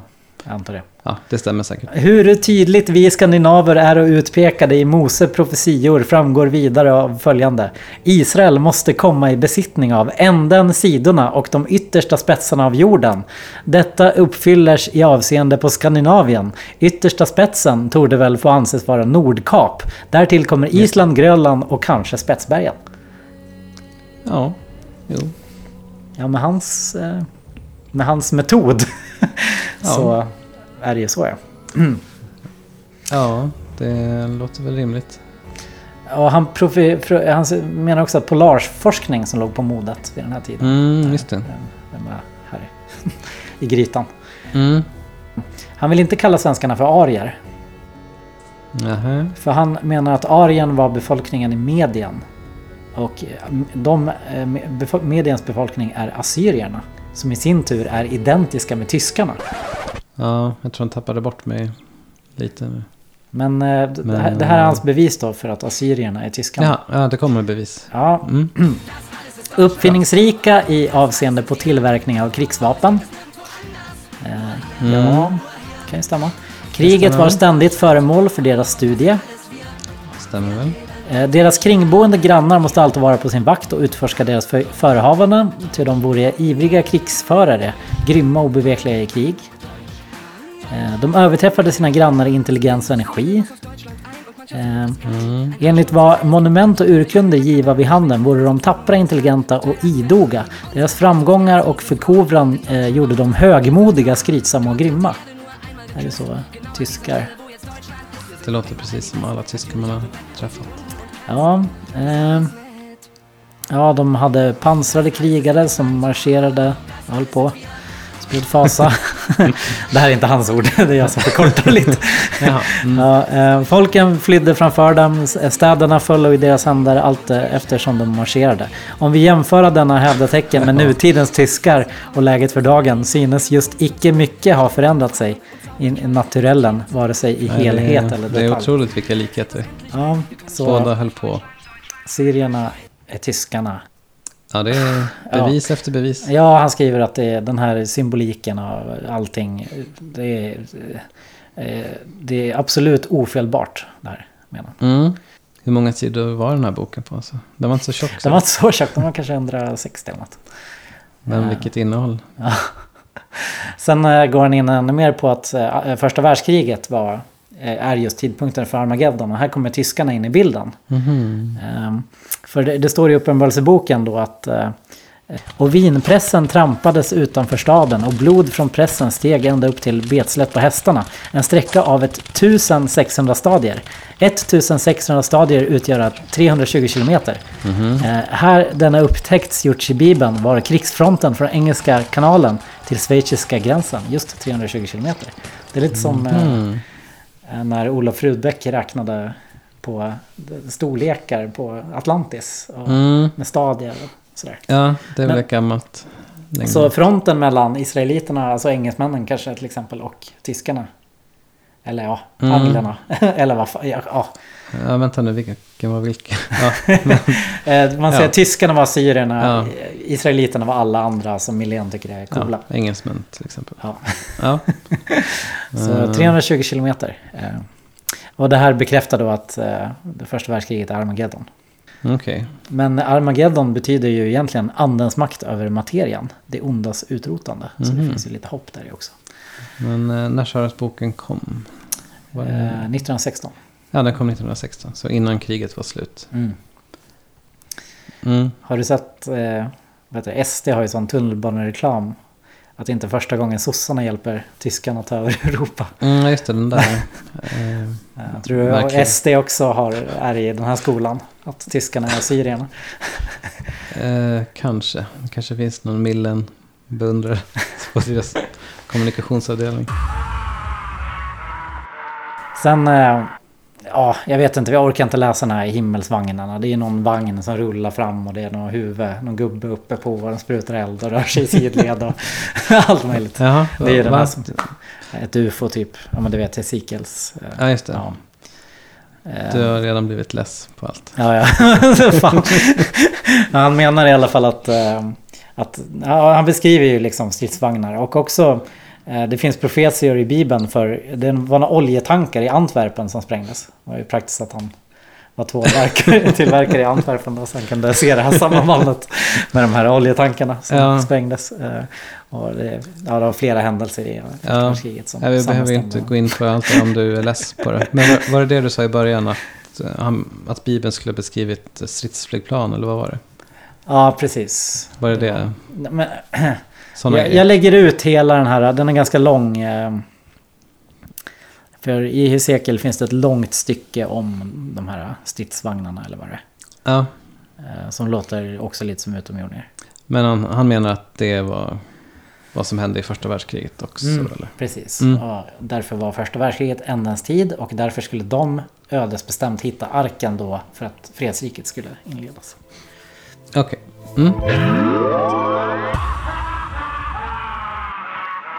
Ja, eh, slutet av boken kan beskrivas som lite osammanhängande. Till skillnad från resten av boken. Eh, Det är mycket om den trådlösa telegrafen, Mhm. hinduer som har förmågan till telepati. det är Aha. båda de här är exempel på gudskraften som sätts i verket. Den här Oj, är det här typ vrill, eller?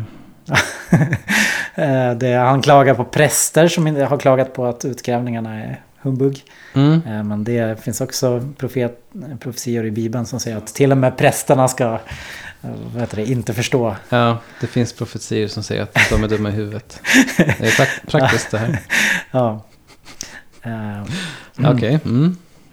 Han, han skriver också att i ändans tid så kommer det mycket vad heter det, religiös... det kommer mycket syner, religiösa syner och sådär. Och han skriver att just i hans tid så har det kommit mycket religiös litteratur. Att det har ökat mycket.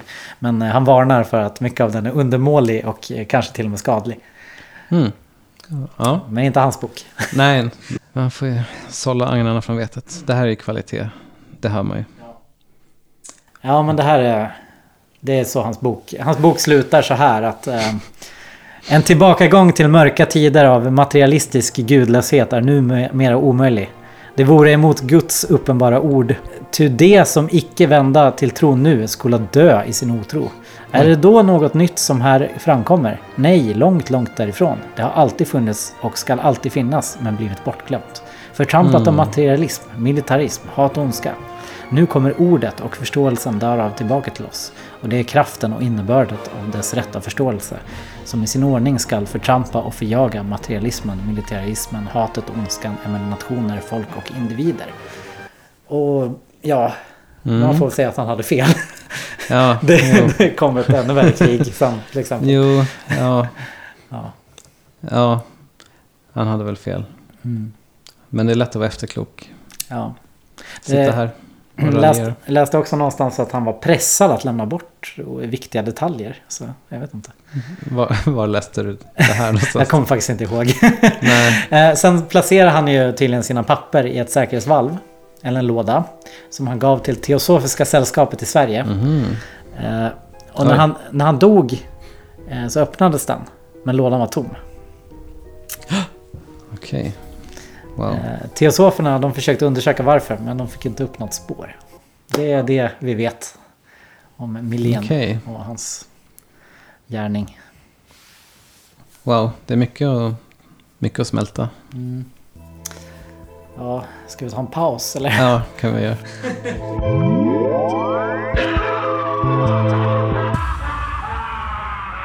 Jag nämnde att 1916 så skrev Juvelius, han med skiffret, en skönlitterär beskrivning av vad som hände under expeditionen. Som hette, boken heter Den vita kamelen. Eh, och det är en samling korta noveller eh, som är skrivna under namnet Heikki Kenta. Och inleds. Dessa berättelser är inte min sammanställning, mina verk. Min berättare var en underlig eremit som hade gripit fiskebastun och bosatt sig där i veckor för att leva. Va? Eh, ja, så inläs den. Eh, att boken är skriven som fiktion i alla fall gör det ju svårt att använda den som en historisk källa. Ja, var så behändigt för, Mm. för honom. Och Juvelius var ju inte ens där i slutet av expeditionen. Eh, Nej. men många, många delar av den här novellen stämmer bra överens med verkligheten. Men han har bytt ut namnen. Okej. Eh, och också då att den, om jag, om jag förstått det rätt ska den då vara berättad av den här bastueremiten. Hör, Fiskebastu, sa du det? Ja, alltså jag har ju läst den här genom Google Translate från finska Jaha. översatt till både svenska och engelska. Så det kan vara lite fel översatt. Ja, ja men det är, det är väl en metod så god som någon. Ja, den är i alla fall 100 sidor och heter Sanningen om uppståndelsen i Omar. Det är min översättning. Mm, okej. Och det känns inte alls som fiktion eh, inledningsvis. Nej. Juvelius skriver också att expeditionens hemlighetsfullhet gjorde folk nyfikna. Han beskriver att det uppror tidningarna i Paris berättade rapporterades en dag innan det hände i Jerusalem. Mhm. Han beklagar sig över Jaha. pressen och de misstänksamma judarna. Eh, bara några engelska tidningar behandlade saken sakligt menar han. Eh, han skriver att expeditionens mål var vetenskapliga och eh, pekar på att medlemmen, den äldre vackre fader Justinus, det, det här antar jag är en pseudonym för den här Vincent som var Mm, arkeolog. säkert. Justinus.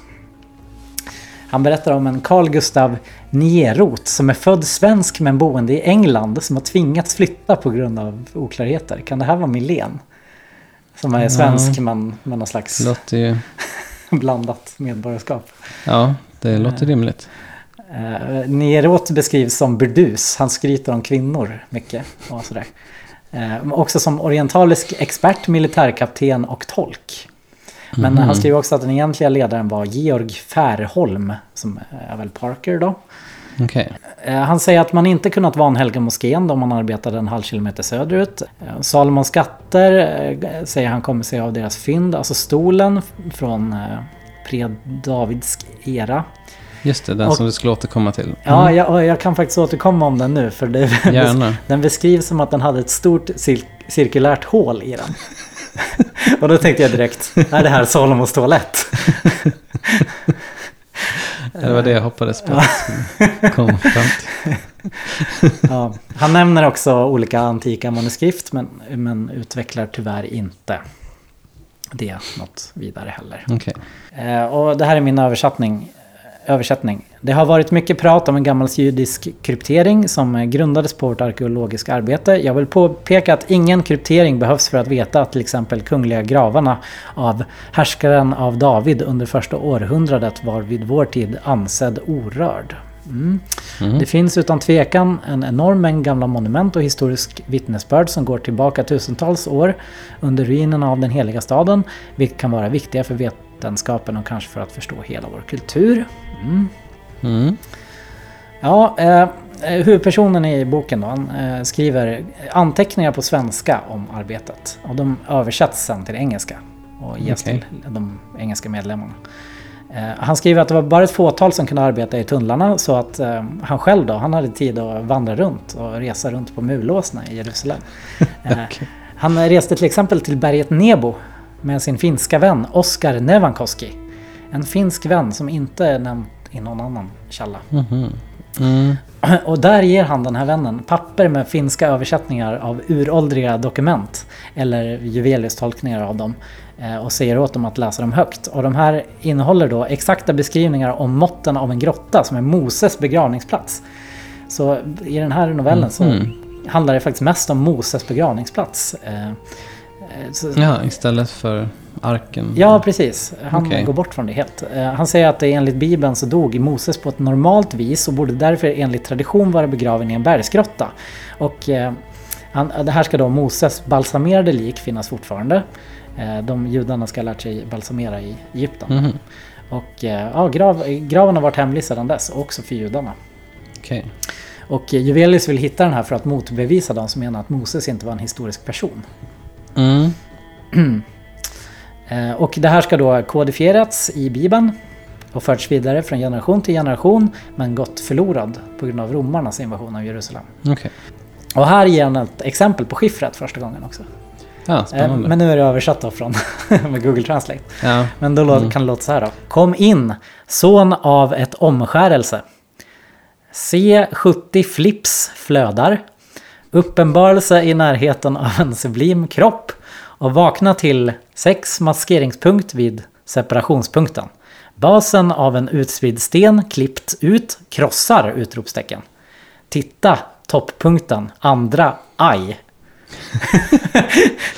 Är det någon sorts dadaistisk poesi? Ja, det kan vara så här skiffret lät, men det kan också vara bara att översättningen är lite Mm. konstig. Det, Men det ska ju vara kryptiskt, Mm. antar jag. Men det var ju nästan någon fälla där man kunde tolka in med någon sten som Just det. skulle ramla. Aj. Ja, I graven ska också tetragrammaton finnas. Guds namn målat på en sköld. Mhm. Moses ska ha haft det på bröstet. Och eh, den här fader Justinus rekommenderar huvudpersonen, Juvelius, att prata om sina teorier med en lärd judisk rabbin. Men han tvekar, för han vill inte avslöja för Mm. judarna vad han kan. Eh, Men utgrävningarna gick dåligt så han gick dit ändå. För att se om man kunde få någon hjälp av den här rabbinen. Men Okej. man märker att rabbinen hajar till. Och sen försöker han eh, söva eh, Juvelius med en, med en eh, spetsad brygd. Eh, för att kunna undersöka hans papper. Okej. Eh, men han undkommer men blir förföljd av rabbinens son. Som också gör inbrott i hans hem. Eh, och han inleder också en relation eller flört med rabbinens unga judiska dotter. Ja, Mm. kanske var därför han var förföljd. Ja. Sen blir huvudpersonen i novellen sjuk i malaria, vilket Mm. kanske var som- vad som hände. Han beskriver det som kall av gift och judiska flickor. Resa, eh, le- resan tillbaka då. Ja, okej. Eh, Han, han reser tillbaka men eh, kan inte återvända då han får ett telegram att arbetet avstannat. Ja, får läsa om. Mm. Det är ju nyheterna som det. Mm. Eh, det uppdagas att den här Nierot är rabbinens spion, tror jag. Eh, jag vet inte om Milén verkar inte själv se sig som en spion. Så det kanske, Nej. kanske inte var han. Och det här, sen tar han också upp Rothschild då. Eh, han pratar om en fransk man som anländer till staden och kräver att utgrävningarna ska stoppas. Eh, på, det här ska varit en parisisk bankir som var en företrädare för baron Rothschild. Som på riktigt var där och grävde. Mm, okej. Fynden ska ha hamnat i Malta och eh, han beskyller pressen för uppvigling av massorna. Eh, som han eh, nämner även ledde till att en av de vildaste deviserna dödade den ädla engelska damen i moskén.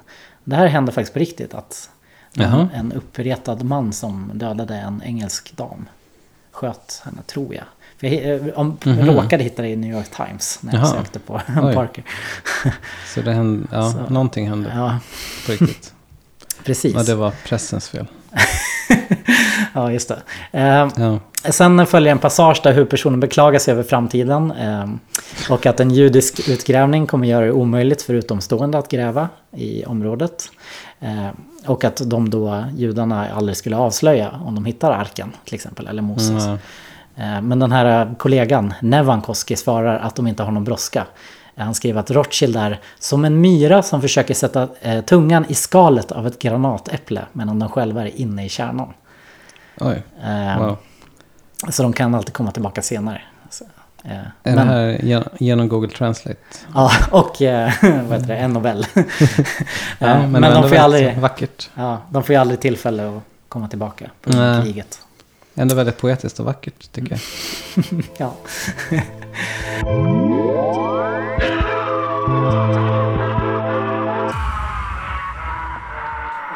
Ja, vad hände då med Juvelius hemliga dokument? Eh, Mm.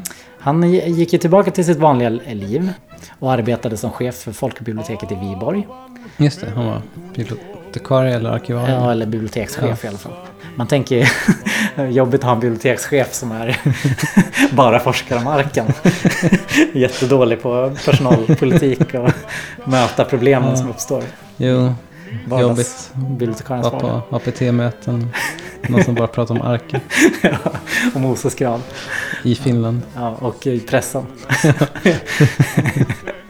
Ja, det, Man har, man har väl haft sämre chefer. jo, det är en bra utgångspunkt för en komedi, en sitcom kanske. Enligt den finska forskaren Boito Viro så gjorde han nya kartor över tunnlarna under Jerusalem. Eh, som sedan funnits i hans familjs ägo. Personer som ef- efterforskat de här har sagt att de är eh, citat muddled and in places contradictionary. Tyvärr. Och papprena blev i alla fall kvar i familjen. På grund av vinterkriget så blev Viborg ryskt ju. Papprena evakuerades tillsammans med befolkningen. Och ägs nu av eh, Jevelius sonson Tom Hilly som är ekonom. Oj. David Landau som jag tog upp i första avsnittet, eh, som skrivit en artikel om det här, träffade honom 1996 och undersökte Jevelius hemliga papper.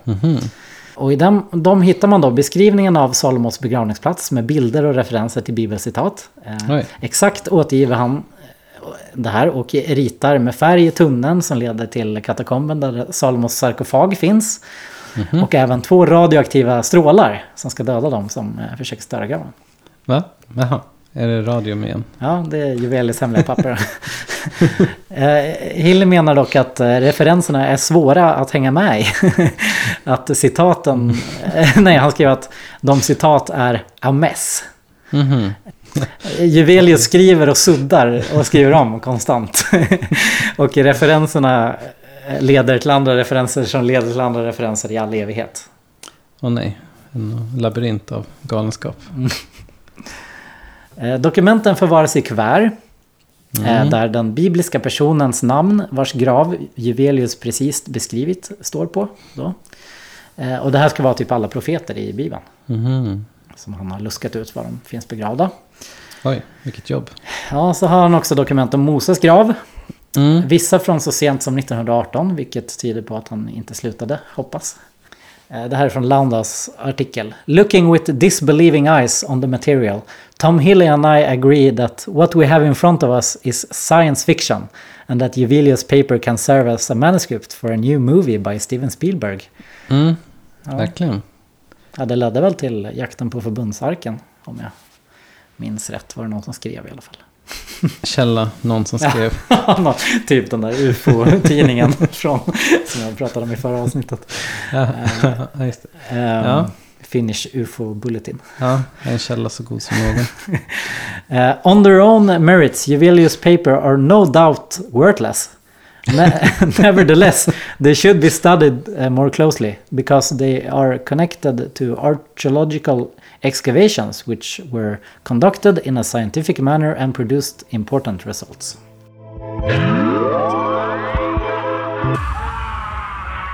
Ja, nu kommer vi lite till skeptikerna. För det är inte bara Just det, eh, de, eh, det fanns sån också. Ja, de som trodde på det här som skrev om det.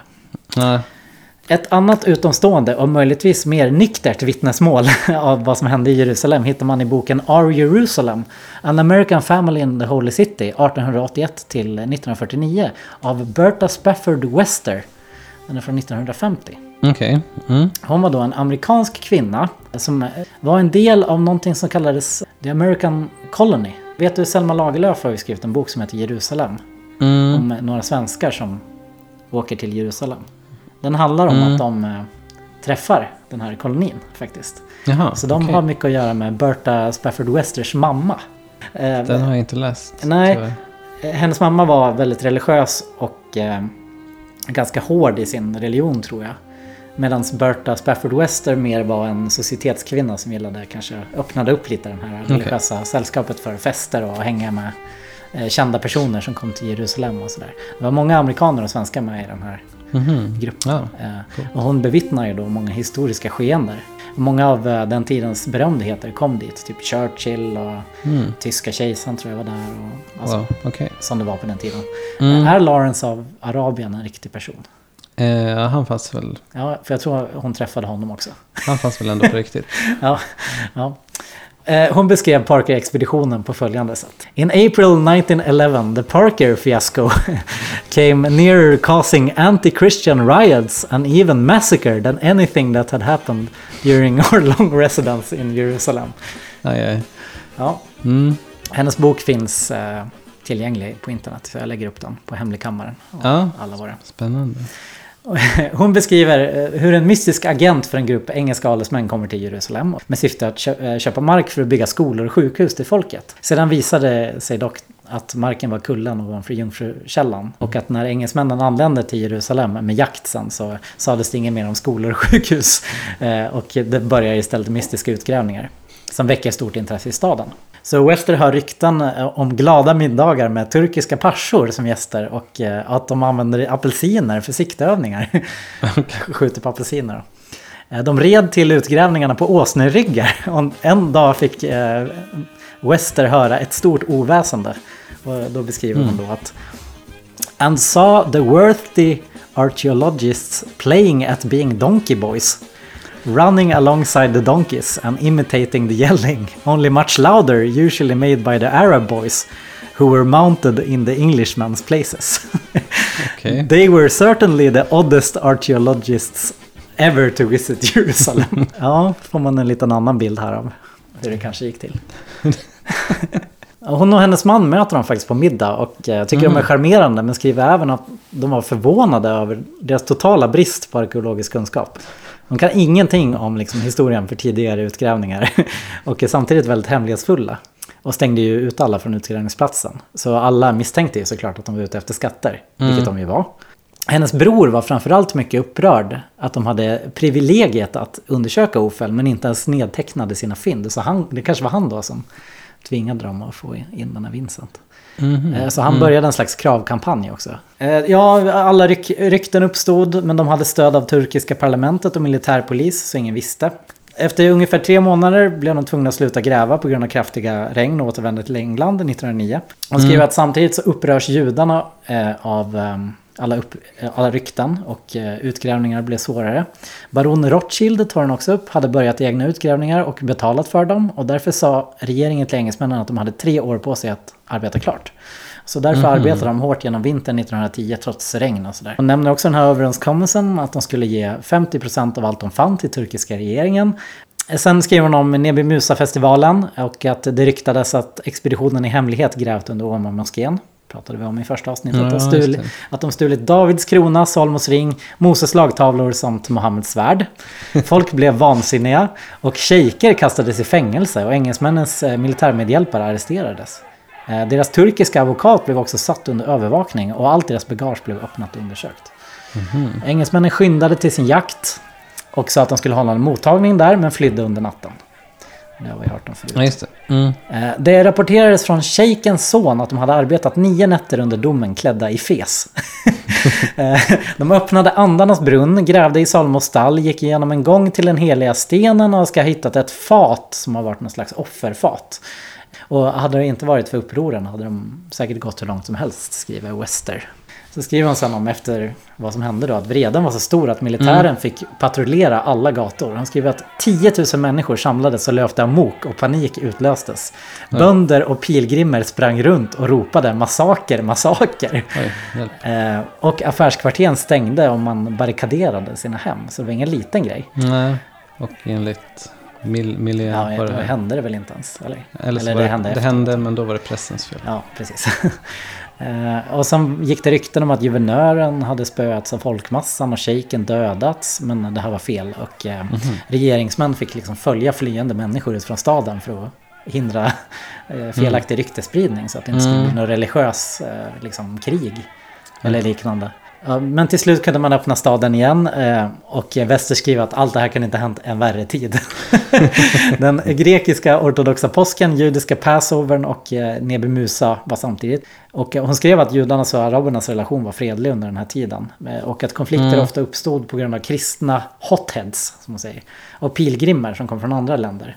Okej. Och bråkade då med militären och polisen. Och att pol- de militären och polisen var upptagna med det här också. Att det var, det var en jäkla soppa helt enkelt. Oj, oj. Och sen skriver hon bara att många år senare grävdes eh, marken som Rothschild köpt ut under uppseende av arkeologiska avdelningen av det hebreiska universitetet. Och teorin om att Davids grav fanns där motbevisades. Mhm. Och sen, ja, det var det. Det är det hon nämner i sin bok. Okej, Så ja, vad tror du om hennes? hennes det lät ju som en utomståendes, kanske nyktrare blick. Mm, man skulle kunna tänka sig. Inte orimligt. Nej, nej. Milén eh, skriver ju att han inte vill namnge kritikerna. Men han nämner ändå eh, den tyska professorn och svenska konsuln i Jerusalem som heter Gustav Dahlman. Okej.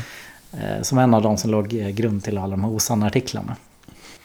Och Milén skriver också att han har lämnat nedsättande meddelanden till en professor Hjält i Helsingfors. Han namnger en till där. Eh, som sen då skrev att expeditionen inte resulterade i någonting. Och Dahlman ska också eh, både muntligt och sen också skrivit brev till svenska undersåtnar med liknande innehåll. Och ett sånt ska Milén själv ha bevittnat då. Okej. Och eh, Dahlman skrev faktiskt en kommentar till expeditionen som publicerades i 1918 års Bibelforskaren. Där han också hårt kritiserar Miléns bok. Eh, Projekt Runeberg har dig- digitaliserat det årets nummer. Men tyvärr så har de utelämnat just den här artikeln. Men, Skumt. aha. Men jag kunde såklart hitta den på Kungliga biblioteket. Så jag läste den. Ja, Det var ju skitroligt. spännande. Var det ord och inga visor? Ja, det var det verkligen. Det, det är en härlig ton. Eh, Dahlman var själv arkeolog. Eh, han var föreståndare för Tyska arkeologiska institutet. Han var medlem i kommittén för Engelska Palestinasällskapet och bosatt i Jerusalem under expeditionen. Och sen kunde vi följa det också då. Mm. Eh, och han förundrades tidigt över deras beteende och hemlighetsfullhet. Eh, Dahlmans nedsättande meddelande som Miljan hade sett, det var att han ja, ganska sanningsenligt sa till den här Hjält då att fynden citat, bestod då mest i lervaror som visserligen hade sitt värde för arkeologiska vetenskapen men aldrig kunde betyda ett stort penningvärde. Eh, Han hade stor respekt för den här Vincent i alla fall eh, och Okej. eh, hans rapport. Men menar att Milén tolkat den eh, helt konstigt uppåt väggarna. Han eh, ska ha gjort sig skyldig till flera faktafel som inte stämmer alls med vad Vincent skriver i rapporten. Så Vincent ritade upp det här tunnelsystemet som de grävde ut. Men utöver det resulterade expeditionen inte i så mycket förutom några krukor. Eh, Att de funnit kung Davids port som, vi- eh, som, eh, som Vincent också skriver i och för sig. Det motbevisades sen Mm. av en arkeolog som heter Ronny Reich. Milén ger ju också intryck att alla tunnlar inte upptäckts förrän de kom dit. Vilket inte heller stämmer. Mhm. Det står i Vincents rapport att det inte var de som hade uppe. Var Davids stad låg belägen ska man veta att i 50 år skriver Dahlman. Då. Porten Milén beskriver som ingången till Davids stad har Vincent beskrivit som möjligen utgången från ett torn vid stadens yttre vall. Eh, han eh, citat, Vincent är naturligtvis inte så barnslig att han betraktar fyndet av en port eller en mur såsom bevis för att det var just Davids stad som legat här. Skriver han. Det här är, det här är ju kul. Eh, Stolen som Milén beskriver Ja, att den. Ja, ofelbart begagnas av kung- Salomo beskrivs av Vincent som en gammal water closet. Så det är Ja, en en, toalett. V- en WC. Ja, en to- Så det är. Ja, fick vi det bekräftat också. Att de hittade en, toalett. det var en toa. Visserligen väldigt avancerad för sin tid. Mm, ja, och väldigt Men- gammal. framför. Ja, men fortfarande en toa. Salomos stämpel som Milén skrev om, det, var, det ska endast varit på ett föremål som var så bibehållet att man ens kunde läsa det.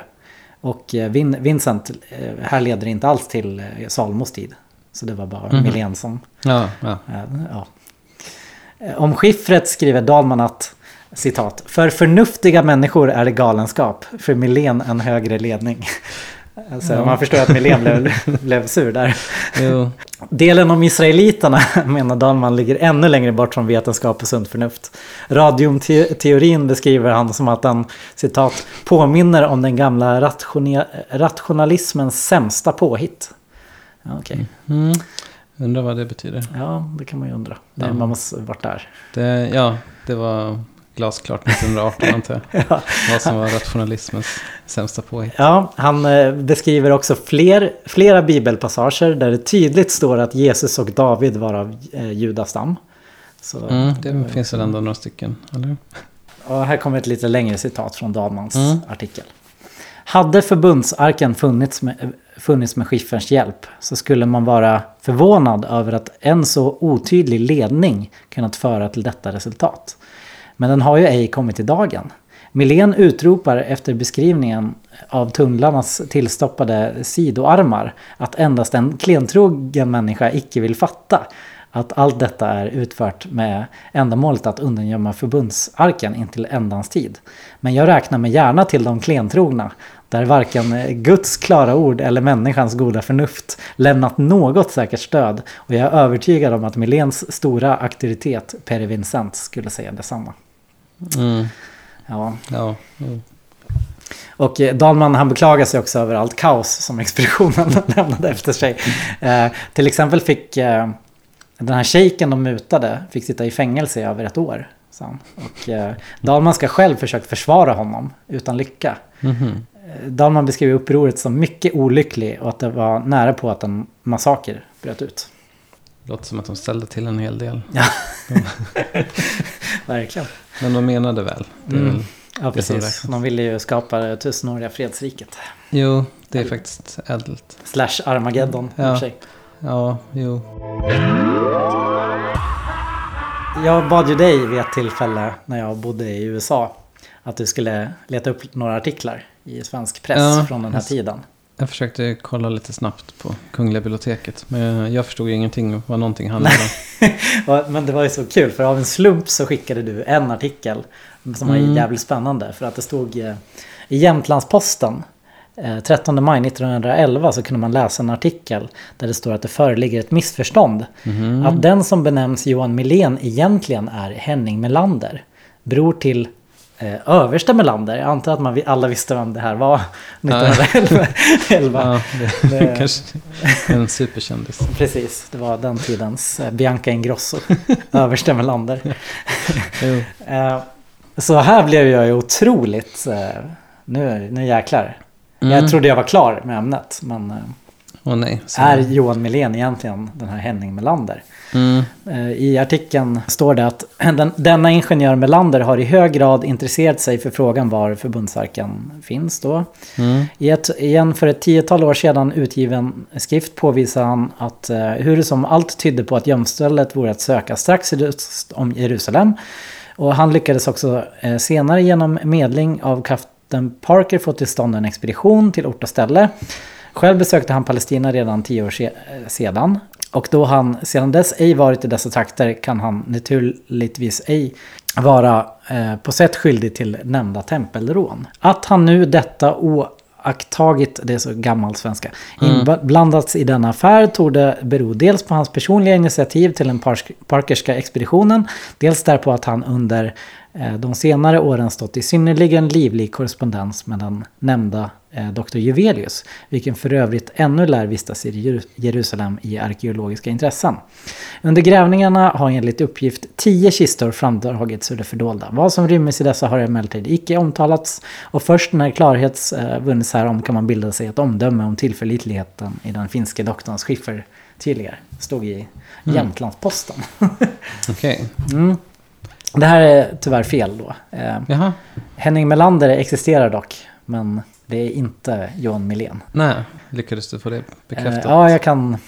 Den här Henning Melander visar sig att han har jättemycket att säga om både Milén, expeditionen och arken. Jaha. Melander, han, det visar sig att han var också en arken, arkenforskare, men med mindre, han var mindre bemedlad liksom. Men kanske mer vetenskapligt inriktad. I alla fall om man ska tro honom själv. Faktiskt verkar det som att han var en av dem som skrattade åt Milén när han höll sitt tal på Vetenskapsakademin. Jaha. Just det. Eh, och, och han har också debatterat Milén om arken i Svenska Dagbladet. Jaha. Så- Har, du, har du hittat? Nej, faktiskt. Alltså jag blev tvungen att dra någon gräns här, för annars Ja, skulle vi, jo. det här bli fyra timmar långt. Eh, Men eh, det måste ju varit otroligt konstigt att läsa Svenska Dagbladet och så är det en eh, debatt mellan två så arkenforskare som alla möjliga konstiga teorier och är väldigt arga på varandra. Jo, Men det här skulle jag jättegärna forska vidare i någon gång. Kanske Mm. borde skriva en bok om allt det här. Verkligen. Gå in på allt. En dåtida läsare bara, jaha, det är överste Melanders bror. Ja, precis. Man vet ju hur han är. Ja, exakt. Typiskt överste Melander och Mm. han som bror. Det lät Ja. väldigt spännande. Mm, så jag forskade ju då med Lander en massa. Mm. Jag kollade upp allt han skrivit och han hade skrivit flera böcker om arken och var den kan finnas. Mhm. Den första boken om det här skrev han redan 1887, så det var ju innan. Den hette Israels förbundsark och dess framtida återfinnande, kolon bibelstudie. Och efter det här författade han flera texter om arken, eh, men också om fredskamp och värnpliktsvägran. Så han var någon form av sån vapenvägrare. Jaha. Eh, Ja. Hans eh, skrifter är ofta utgivna på Arkförbundets förlag. Som låg på Banergatan 27 i Stockholm. Det är spännande. Det är hans egna. Ja, ja såklart. Jag höll på att fråga. Ja. Men eh, det är klart att det var eget förlag. Han skriver Faktum är lik, eh, likväl att jag är den enda som offentligt framlagt någon mera utförligt motiverad arkhypotes under de sista århundradena. Utropstecken, utropstecken.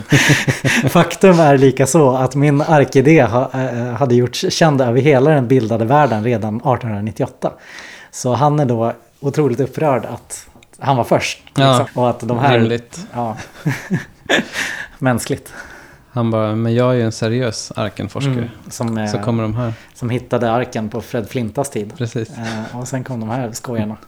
Höll på. Ja. Jo, nej men det kan man ju förstå att han blev upprörd. Han skrev en bok eh, där han tar upp Parker-expeditionen och sina Mhm. kontakter med Juvelius. Så det var ju jävla kul att läsa. För Juvelius kontaktade honom tidigt för att få lite feedback. Ja, mm. Ja, och den här boken heter, eh, som Melander skrivit, heter eh, Frimurarnas hemlighet och Israels förbundsark. Och den är också från Wow. 1916. Aha. En eh, brinnande, rasande försvarsskrift om lite allt möjligt. Eh, Ett helt kapitel eh, ägnar han åt det här som heter Helgerånarna i Jerusalem. Och han menar att det var han som gav Juvelius tyvärr idéerna var han skulle gräva. Eh, Och det här verkar inte helt otroligt då eftersom Melander forskade om marken redan länge sedan och också var i Jerusalem för att söka upp den så kallade Tofets dal. Där han menar att man offrade åt Molok. Ja, men det känner Ja. vi igen. Ja, från första avsnittet. Första avsnittet. Precis. Och där skulle också arken vara gömd någonstans, menar han. Det är kul för det kommer upp massa roliga saker. Eh, tydligen har Strindberg skrivit till Melander och avrått honom från att söka arken. Eh. Strindberg sk- eh, skrev, eller så här skrev Melander. Vår Strindberg skrev, sök inte arken, den ska komma fram då Herren återställer Sion. Och trött på allt övermod och all dumhet var jag ovänlig nog att svara, Jag söker inte arken, dess jämställda är redan funnet. Jag söker endast efter människor med sunt förstånd. Skrev han till Strindberg. De finns också bevarade, Melanders eh, korrespondens med Strindberg. Det borde man också Det låter spännande. få skriva en biografi om Henning Melander och hans rasande Mm. vrede. För att samtidigt inte förstod att han var först med att hitta förbundsarkens jämställda. Ja, nej, jag förstår att han blir... Men är det inte otroligt att det satt massa gubbar i Sverige och höll på så här Jo, början av 1900-talet? jo, det är klart att Strindberg var med på ett hörn, hörn också. Han, han hade ju sina små projekt också. Jo, precis. Han menar också att Juvelius Schiffer inte ledde honom någonstans. Eh, Och eh, när Melander beskriver si- din egen, sin egen forskning så stjäl Juvelius den då. Eh, Och med hjälp av rika kontakter, som också kan vara frimurare, tänker Melander, drar han ihop expeditionen. Medan Melander själv tystas av den frimurarstyrda pressen. så det är så underbart att det alltid är den här jävla pressen som Mm. tystar alla. Alla Ja, det är ju förjävligt att pressen fick hålla på så här. Men jag antar att det här är innan pressens, vad heter det, pressens opin- opinionsnämnd och pressombudsmannen och sånt. Nej, just det. Eh, Men som hämnd, som hämnd i alla fall så publicerar Melander Juvelius Schiffer. Jaha, Så, okej. så det finns. Jag lägger ut det på hemlig kammare. Ja, var det en hämnd att publicera? Ja, jo, men ja, jag antar det. Ja. Det är ganska svårt att förstå. Men ja, Mm, kanske lite lättare än den där finska grejen. Google Translate. Ja. Kanske, men kanske också inte. Mm. Melander gör också efterforskningar på vem Juvelius är och får honom Mhm. beskriven som en citat periodsupare. Undrar hur han forskade fram det. Ja, det kommer ett citat här från den här texten. I förtroende har Juvelius meddelat att han genom kontrakt givit bort ensamrätten till mitt arkuppslag. Jag får inte tala om att han absolut ärelöst stulit min förstfödslorätt och drivit hemliga underhandlingar bakom min rygg. Resulterande i kontrakt med turkiska regering, genom vilket jag ska förhindras att forska efter arken i Palestina. Slående mig i ansiktet med talet om mina anspråk ber han mig hålla tidningarna i okunnighet om saken så att han och hans följe må kunna obehindrat fortsätta med det påbörjade tjuvförsöket! Utropstecken, utropstecken. Eh, Herr J får dock ursäkta att jag ej bifaller hans begäran. Otroligt. Det här Mm. låter precis som alla rättshaverister man någonsin har läst. Den här väldigt högtravande tonen. De har alltid funnits. Förnärmade. Jo, det tror jag verkligen. Ja. ja, han är upprörd och han beskriver alla möjliga hetska debatter han haft med olika svenskar. Till och med kung Oscar Jaha, som ska ha avvisat honom bryskt då han velat prata om marken. konstigt. Då kungens män kallat honom försvarsnihilist för han var ju värnpliktsvägrare. Nej. det gillade ju inte. Han, han tyckte ju att, eh, att eh, Bibelns budskap är fred typ, och kärlek och sådär. Eh, Ja, ja, jag vet inte. Det tolkning så god som någon. Tolka. Men, eh, va, men, kungen vill inte höra när han Kungen, skulle hålla kungen låda. eh, avvisade honom bryskt. eh, allt leder till att det är frimurarnas fel då. Mhm. Allting. Och att de också tystat honom under många år. Mm. Han tror att kung Oscar själv är frimurare. Och Mhm. eh, pekar på att han haft en lärd rabbin som lärare. Oj. Och att det pekar också om att han velat ha kunskap om marken. Han menar också att Mhm. Charles Warren, som var en föregångare till Parker-expeditionen, eh, Mm. men arkeolog, var frimurare. Och också att frimurarna är de krigshetsande babylonierna, eh, fiender till Guds lag, som vill förhindra det tusenåriga fredsriket. Så han vill också Ja, ha det här mm, tusenåriga ja. fredsriket. Ja, det vill väl alla. Ja. Alla vettiga vill väl ha det. Ja, Okej, det var mycket att ta in också. Ja, ja, och det är ju då att frimurarna och korsriddarna, de har ju medvetet misstolkat att Gud är en fredlig Gud. För att få sin, ja jag vet inte. Ja, de vill ju bara ha krig och... Ja, precis. Bygga höga torn och så. Ja, jo, jo man vet ju hur de är. Eh, och det här är också jättespännande. Eh, han lägger stor vikt vid ett slags lagtexter som ska vara begravna tillsammans med arken och sedan gått förlorade. Möjligtvis då korsriddarna tagit dem och gömt dem. Sedan ska de här eh, komma till Sverige då Gustav III köpt dem. Mhm. Och så undrar man ju då om det här inte är eh, samma som den så kallade Sverigesistan vi pratade om tidigare som skulle innehålla Illuminatis hemligheter. Mm. Kommer inte ihåg vad jag läste om det. Eh, Men det här läste väl vi båda två i den här boken eh. Plund... Anders Rynell? Boktjuvarna. Boktjuven. Mm. Eller boktjuv. Ja, om, om hur nazisterna stal massa böcker. Så det är inte bara den här kistan då som Gustav III kanske hade innehåller lite allt möjligt. Ja, eh, ja, vi får väl göra något avsnitt om Gustav III och allt det där någon gång. Det borde vi verkligen göra. Det, Mm. det vore kul. Där finns det mycket att gräva i. Han skriver eh, På uppmaning av Molay skulle han nedstigit i sin onkels grav. Där skulle han ha funnit ett undangömt skrin med tempelordens urkunder. Och så skulle dessa ha blivit räddade undan till Skottland varifrån de skulle ha förts över till Sverige. Mhm. Efter att ha blivit sålda av Stuartarna till Gustav III. Mhm. Här har han en not också. Lennings eh, Encyclopedia der Freimaurerei. Leipzig 1863. Mhm. Och Mysteriernas bok av Otto Henne Amryn.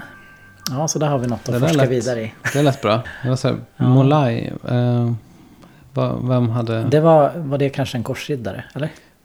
Ja, var det inte det korsriddarnas eh, ledare? Mm. Som la ned de här urkunderna i sin onkels grav. Mm. Och sen... Eh, ja, till för det Sverige. där har man ju läst.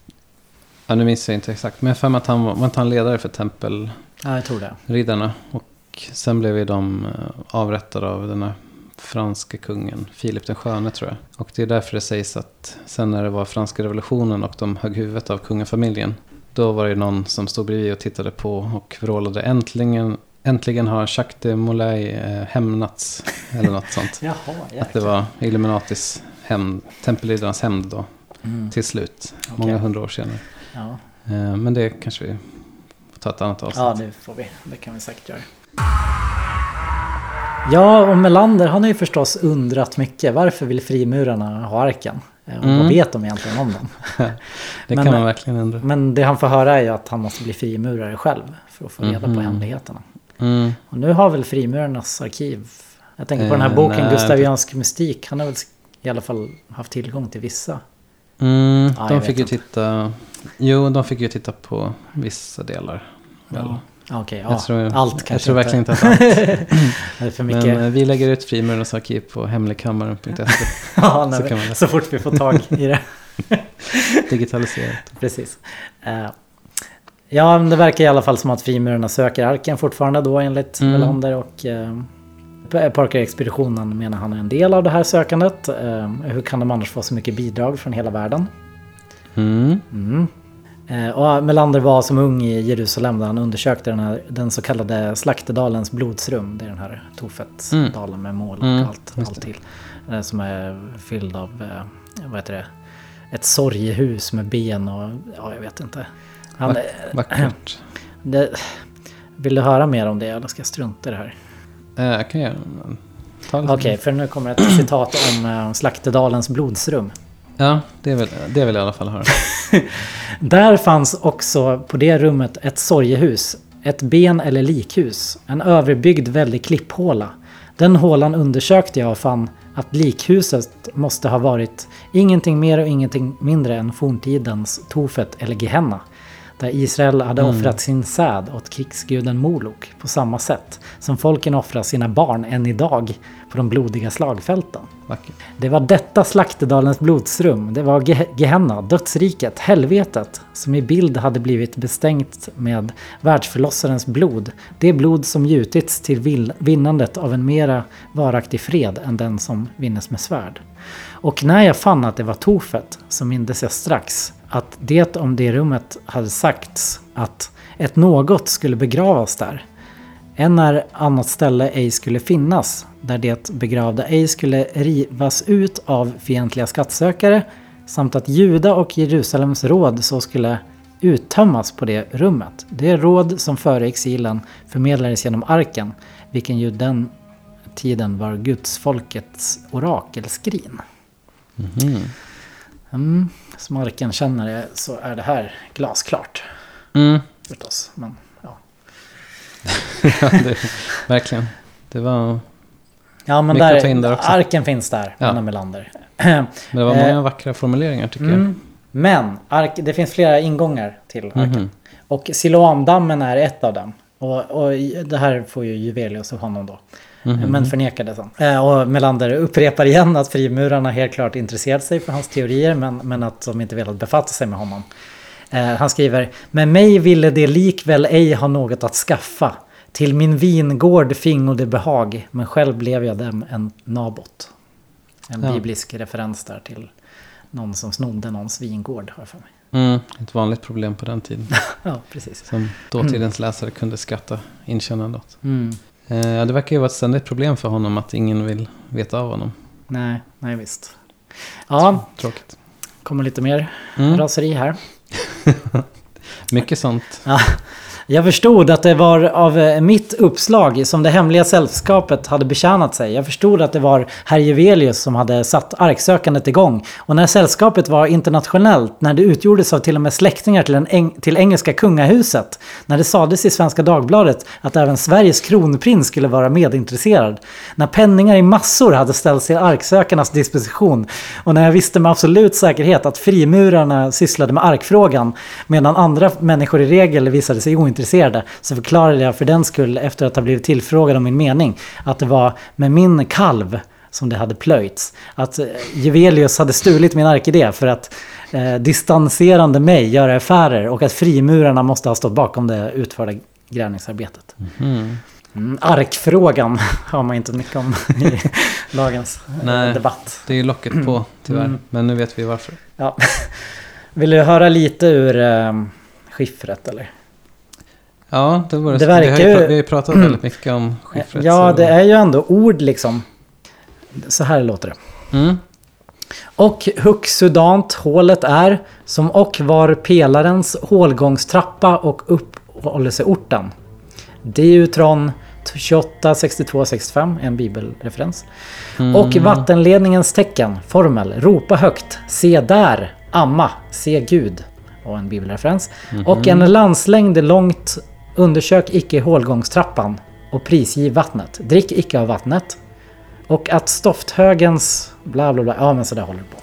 Det är, Eh, Okej, det Ja. var kryptiskt. men jag lägger upp Verkligen. det så får man när jag läser det. Kan, man kan läsarna dra egna slutsatser. Ja.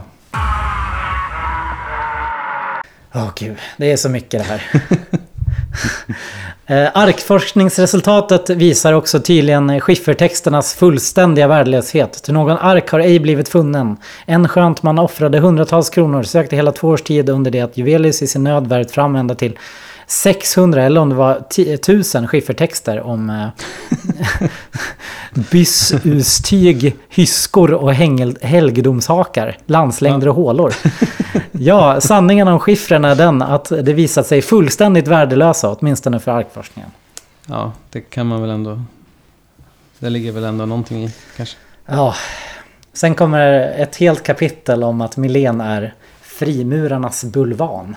Mhm. Och det fortsätter på samma vis. Jag vet inte hur mycket vi ska gå in på det. Ah, kan väl... Han, han, tar upp, han tar upp det där föredraget i Vetenskapsakademin. eh, Att det Mm. andades eh, starkt frimureri. Jag vet ej om herr Milén är frimurare, men, men, bevisen han, pekar. Han hörde frimurarklockorna ringa. Precis. Eh, Han tar upp olika ordval Milén gör om den här allseende ögat. Bla, bla, Ja, det här låter som bra grejer ändå. Ja. Han är oerhört skeptisk till radiumstrålningen. eh. Och eh, han förstår inte hur vissa högre personer i Sverige kan tro på det här med israeliterna. För det är ju bara...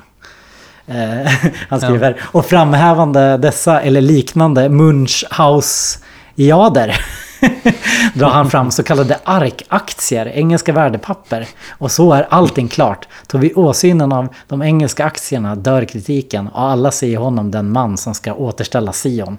Jag kunde knappast tro mina öron. Ja, sen har han något bråk med någon eh, annan som heter Waldenström. Ja, Mm, Okej. så man kan fördjupa sig i det här hur länge som helst. Mm, det var beundransvärt att du lyckas dra gränsen någonstans. Mm, han är sur, eh, Melander är sur för det var tydligen ett tidigare föredrag på Lidingö hos den här Waldenström. Mhm. Och han fick inte komma.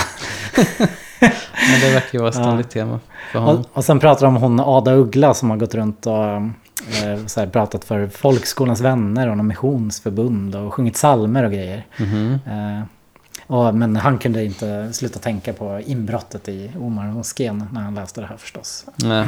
Så det här vore ju såklart roligt att undersöka närmare också. Eller Mm. också otroligt jobbigt. Jo. Eh, han avslutar hela grejen med en förhoppning. Må invånarna i Sion vaka så att ingen må bryta upp deras hus. Må judar, kristna och muhammedaner hållas vakt så att inga hemliga grävningar må utföras varken i Silo eller i trakten kring blodsåkern. Och jag framställer det yrkandet att inga som helst grävningar må tillåtas i den nejden så framt ej utföras på ljusa dagen under en i allo betryggande kontroll så att intet må hemligen undansnillas, förstöras eller förfalskas. Mm. Ingen får göra något om inte jag får vara med. Precis. Med Och jag vet ju inte vad Melander gjorde efter det här. Han eh, fortsatte forska säkert. Skummade igenom Mm. eh, vad han hade skrivit. Han hade skrivit 1919 en text som hette President Wilson och Cyrus-profetian. Så det tyckte jag ju låt jättespännande. Verkligen. är. Cyrus profet, Cyrus var väl någon kung som skulle eh, krossa Babylon och befria israeliterna. Och sånt där. Men President Mm, Woodrow kanske. Wilson var det någon, kanske i Sverige då, som menat att han var Cyrus återuppstånden. Nå- eh, det här kunde man se enligt någon profet som heter Deutro Esias. Vi har varit inne på pseudoplaton förut. Mm, jag visste inte det. att det fanns en Deutro också. Ja. Men det här var mest en essä om olika bibelgrejer. Så det var inte så tokigt som jag trodde. Jaha. Eh, sen har jag också kommit in på Indiana Jones förstås. Och det ska ju ha producerats, eller det ska ha skrivits ett avsnitt av Young Indiana Jones Chronicles om Parker-expeditionen. Mm. Visste du det? Eh, jag vet det för att du har sagt det. Okej, Men ja. innan hade jag inte hört någonting. Jag var ju ett fan av den serien i alla fall. Mm, det var jag också. Vi är ju lika gamla. Ja. Jag gillade också den Ja. serien väldigt mycket. Om man ska gå på Milens spår så kan man ju undra varför det aldrig blev något av just det här avsnittet. Mm. För det handlade om expeditionen. Eh, Men Parker är där en gravplundrare. Det kanske han var på riktigt också. Eh, Som ska gräva där och vill ha tag i någon karta som Indiana Jones då eh, luras ge till honom. Men de hittar inte arken och de säger Nej. typ så här Kanske kommer någon hitta den i framtiden. Och det gör de i den här filmen då. Så, Ja. Eh, men när var det här när Indiana Jones var typ 12 eller var det när han var typ, hur gammal var han? sen? ja, det var alldeles i början där. Eh, Jag kommer inte ihåg. Nej, för de hade ju antingen att han var ett barn eller att han var Precis. typ ung man. Jag, kom, jag vet faktiskt inte. Nej. Det måste ju varit år 1909 och framåt. Mm. Så Hur gammal är Indiana Jones? jag vet inte hur gammal Indiana Jones är. Men ja. Ehm, Ja. ja. Det hade man ju velat se. Mm.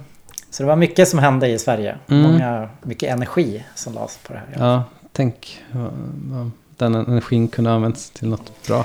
Ja. Jag har en avslutande Ja, grej. För att det var ju så otroligt att när jag forskade vidare så hittade jag till exempel på franska Wikipedia. Av någon anledning är det någon som har skrivit jättemycket om det här där. mhm. Jag har inte Okej. hittat alls lika mycket som jag gjorde där. Och då hittade jag också en Mhm. annan medlems artikel. Jaha. Eh, Cyril Foley bryter plötsligt tystnaden 1926. Jaha. Eh, Cyril Foley var cricketspelare och överste såklart. Ja, inget Eh. konstigt där. Och han gör det här med en typisk brittisk torr humor och ironi när han beskriver vad som hände.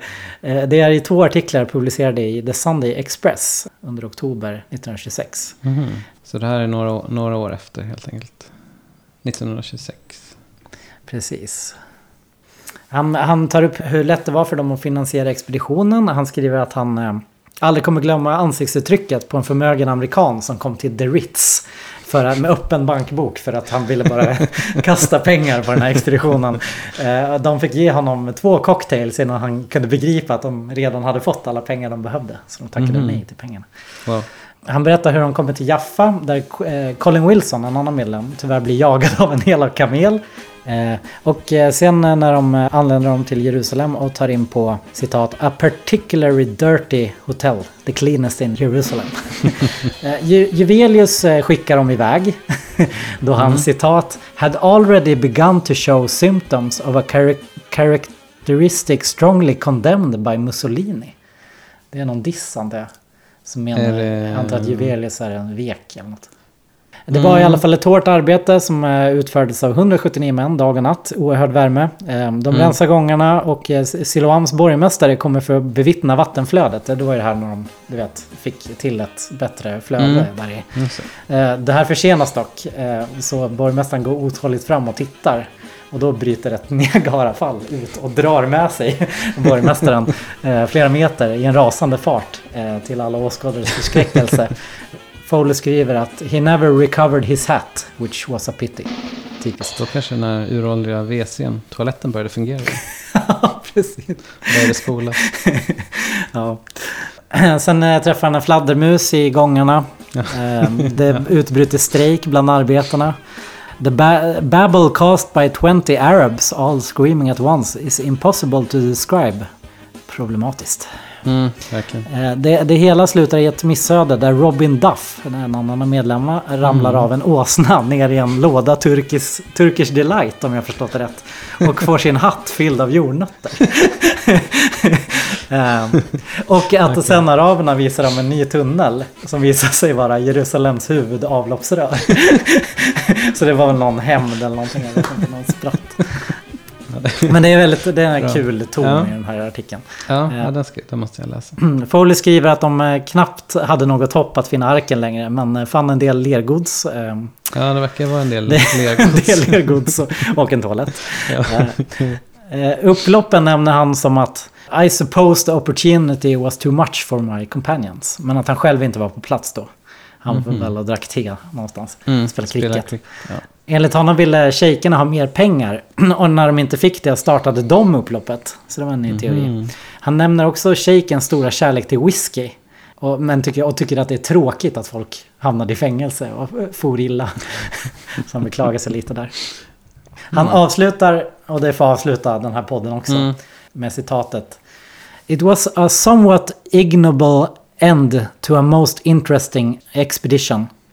Which, though unsuccessful in its main objective, was at least instrumental in supplying data of great geological and anecdotal value. Mm. Så där hade han ju rätt. Ja, Ja. det är inte att förakta heller. En bra, bra anekdot. En bra historia var det. Verkligen. Det bra slutord.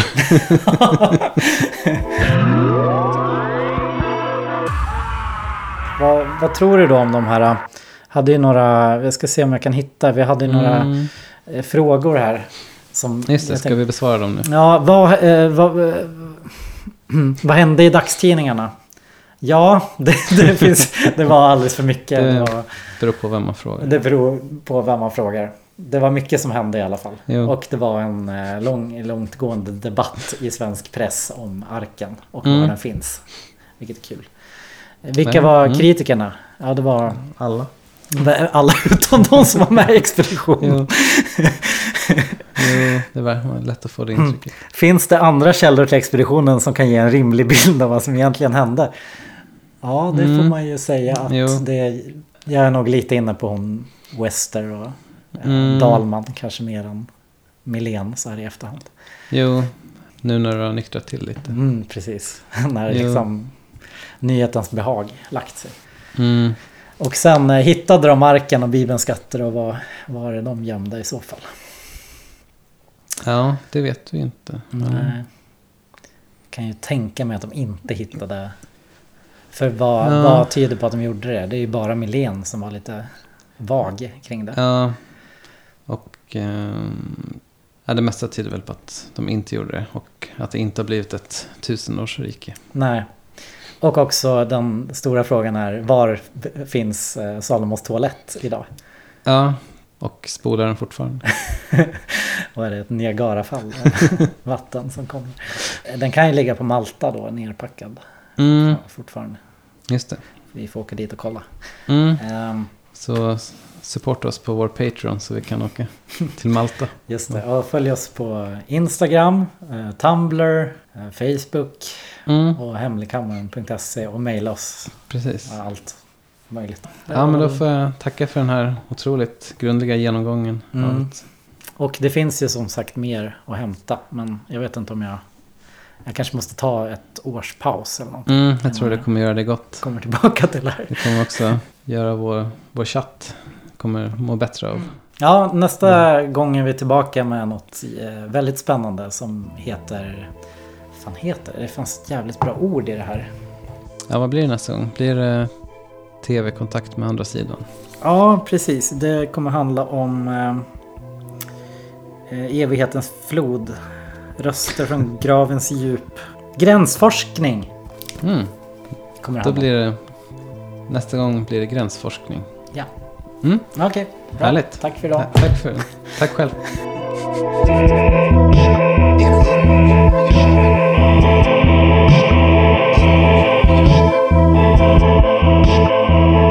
you.